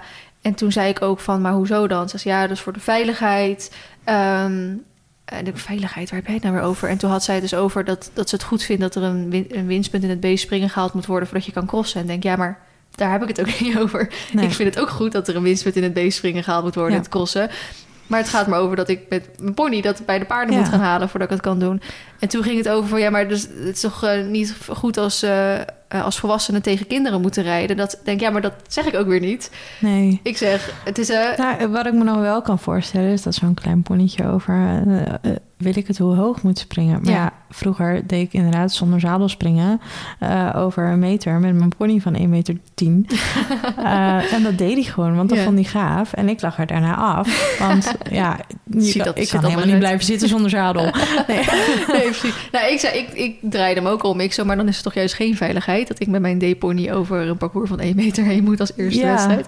Maar goed, dus toen was weer inderdaad dat ze dan... eh, dus ik zei, ja, maar ik, ik vind ook niet dat volwassenen en kinderen tegen elkaar moeten strijden... eh, in de ponyrubrieken. Dan moet er dus of een volwassen, aparte volwassen rubriek komen... of je laat wel die volwassenen gewoon ertussen starten... maar die doen dan gewoon niet mee voor de prijzen. Ja. Heel simpel is dat. Die doen alleen mee voor de winstpunten. Ja. En toen was het ook gelijk van, oh, oké, ja, nu snap ik hem. En dan denk ik, ja, er is weer zo vaak... Ja, maar dat is natuurlijk in de hele wereld. En, en communicatie aan zich is al een. een eh, nou, daar zijn zoveel studies over. Uh, maar dat is denk ik ook weer met verschillende type mensen en opvattingen. En iedereen vangt iets anders op. Ja. Ook al zeg je hetzelfde. Ja. Dus ja, en als je dat honderdduizend keer laat lezen door iemand anders, heb je zoveel andere Ja, eh, heel veel andere reactie- interpretaties. ja, als ik iets plaats, dan krijg ik 30 reacties. ja, als jij iets plaatst, krijg je er honderdduizend als je niet oppast. Nou, vreselijk. Ehm, laatste vraag, want we zijn al anderhalf uur bezig. Wat waren je ambities en heb je deze bereikt? En wat zijn voor de rest nog? Wat, wat wil je nog gaan doen? Nou, ik uh, volgens mij gisteren de vraag aan Joop gesteld. Wat gaan we eigenlijk nog doen de komende 40 jaar? Nee, um, ik ben dit gestart vanuit het punt... Um, ik wil mijn eigen dag inrichten. Ik vind het belangrijk om 's ochtends met mijn hond te wandelen. Ik vind het belangrijk om tijd te maken voor mijn kind. Elke dag. Mhm. Mm -hmm. ik, wil, ik wil er voor hem zijn. Uh, ik heb er maar één. Dus, en dan komt er ook en geen eentje bonus. meer. Ja, en twee, uh, twee bonus inderdaad. Nee, ik, ik wil gewoon mijn vrije tijd met hun besteden. En uh, ik wil tijd aan mijn paard besteden. En dat zijn eigenlijk de belangrijkste uitgangspunten. En daaromheen werk ik, uh, verdien ik geld. En probeer ik alles wat ik doe leuk te vinden. Mm -hmm. Dat is mijn ambitie. En ik zie wel waar we terechtkomen. Ja. Ik vind in de afgelopen drie jaar vind ik het bizar wat er allemaal is gebeurd. Dus, ja, uh, ja. ja, maar ik vind dat wel absoluut een hele mooie. Want ik heb ook wel eens de vraag gekregen. En toen zei, en toen vond ik hem heel lastig te beantwoorden. En toen vroeg ik ook van, heb je een paar voorbeelden of zo? Van wat andere mensen bijvoorbeeld beantwoorden. En zeg, ja, sommigen hebben de ambitie om een miljoen euro te verdienen. Of om uh, dit te doen of wat te doen. En toen zei ik ook van, oh, dat is eigenlijk allemaal niet mijn ambitie. Mijn ambitie is gewoon om lekker op mijn boerderijtje straks... toen Ja. was dit nog niet van ons... met de paardjes aan huis gewoon lekker video's te kunnen maken... en daar zeg Ja. maar mijn brood uh, mee te kunnen verdienen. Ja. En uh, dan ben ik... Dat, dat is mijn ambitie. Ja, nou, maar ik denk dat dat de mooiste ambities zijn. En het geldt dus bijzaak. Mm. Weet je, en het is, dat is onzin voor de mensen die... Um, uh, je, je hebt een vaste basis nodig aan salaris of aan inkomsten... om, om het zelf gemakkelijk te maken. Mm -hmm. uh, dus het is onzin dat geld uh, onbelangrijk is. Um, maar ik vind het wel belangrijk dat je geld niet als belangrijkste ziet. Ja. Mooi om mee af te sluiten. Ja. Heel erg bedankt dat je er vandaag wilde zijn. Ik denk dat het allemaal best wel uh, prima is gegaan, toch? Ja, het, niks om zenuwachtig voor nee, te zijn. Uh, nee, dat is mij. iedereen zo. Echt, ja. Ik hoor het zo vaak dat mensen er zenuwachtig voor zijn. En dan zijn we aan het kletsen en dan gaat het allemaal heel goed. En dan uh, achteraf van, oh, dat was echt allemaal heel prima. Ja, nou, ik denk ook wel dat de eerste... Nee, niet de eerste keer is dat we zo lang met elkaar hebben gepraat... maar wel op de inhoud zo ja. lang hebben gepraat. Ja. Ik vind het altijd leuk, want ik heb ook weer zeg maar dingen over jou geleerd... die ik nog niet wist. Maar dat heb ik bij heel veel gasten die ik al langer ken. Dan ben ik, denk ik oh, dat wist ik eigenlijk helemaal niet van deze mensen. Want daar heb je het nooit over. Ik, heb nooit, ik ga nooit aan jou vragen wat voor middelbare school heb jij gedaan. Of nee. ja, dat soort dingen of zo. Ja, dat is eigenlijk best wel gek. Want ik denk dat het wel weer sterker maakt voor de toekomst. Ja. Um, en ja, in deze vorm neem je dus wel de tijd voor elkaar. Dat is Ja. best wel je dat Grappig, normaal eigenlijk. inderdaad. Ja. Zullen we hem ook een keer andersom doen? ik denk dat iedereen alles al van mij weet. maar mag. ik niet dus. nee, dat is waar. dat is waar. Ehm, bedankt voor het luisteren allemaal. Mochten jullie eh, Miranda willen volgen, ja, je doet... Ja, Weinig. ja. Ja, sorry. Ik ben het drukste met mijn kind op Facebook, maar dat is het ook echt. Eh, ze ziet van, van het bedrijf Horse Business. Dat schrijf je met alle S'en een Z. Ja. Dus Horse Business. Ja, en waarom? Nou, daar was in het begin een gedachte achter. Jouw bedrijf van A tot Z Ah. geregeld. Ja, was echt heel goed bedacht. Ja. Totdat je het moet gaan spellen. Ehm, nou goed, we gaan het dus een volgende keer nog... Ik denk wel binnen dit seizoen, want anders eh, moeten mensen wel heel lang wachten. eh, nog puur over ondernemersplannen Ja. en marketingplannen Ja, zo me hebben. leuk. Lijkt me leuk. Kunnen we ook Ja. wat meer gerichte vragen voor in, eh, in laten sturen. We hadden namelijk nu... ehm, ja, we hadden dit... Nou ja, ik had niet Miranda laten komen omdat je een soort van... Ja, hoe zeg ik dit? Ja, precies. Nee, ja, maar dat, dat, dat, zo voelt Sjoerd zich wel eens bij, Oh. bij voorgaande seizoenen. Dan heb ik even geen gast en dan komt Sjoerd zeg maar weer in... en dan zegt hij, ja, ik, ik moet weer eh, gast spelen. en nu in dit seizoen heb ik het eigenlijk tot nu toe allemaal heel goed geregeld. Dus dan zegt Sjoerd ook van, wanneer mag ik nou weer een keer, weet je wel? maar ik ga, ehm, nou ja, waarschijnlijk als jullie dit luisteren zit ik in Thailand. Kijk, Eh, ik ga drie weken naar Thailand toe. En eh, ik moet dus... eh, ja, normaal kan ik het wel een beetje regelen van nou, die gast. En dan komt het dan online. Maar ik moet nu gewoon drie podcasts op de plank hebben liggen... voordat ik naar Thailand ga. Dus toen dacht ik, wie kan ik op korte termijn vragen? En toen, nou ja, jij was, wat ik zeg, al vaak ingestuurd. Dus dacht Miranda, nou, Alieke komt ook. ja, En zo k- vul ik het allemaal een beetje op. leuk. Ehm, maar goed, ik vond het superleuk om je te horen. Ja. En eh, nou, op naar deel 2 ergens eh, verderop in het seizoen. Ja, gaan we doen. Leuk. En dan, eh, nou, oh ja, waar, waar ik op wil doelen is dat ik dus nu echt net een uur vo- voordat de podcast, dus eigenlijk vlak voordat de podcast begon, heb ik pas een vragensticker geplaatst van wat voor vragen heb je voor Miranda. En de volgende keer zal ik dat gewoon even een dagje van tevoren doen, zodat er wat meer vragen ja. ingestuurd kunnen worden. Ja, dat is goed. zodat we een betere voorbereiding hebben. ah ja. Jongens, het is een uur en 36 minuten verder. Bedankt voor het luisteren en graag tot de volgende keer. Doei doei!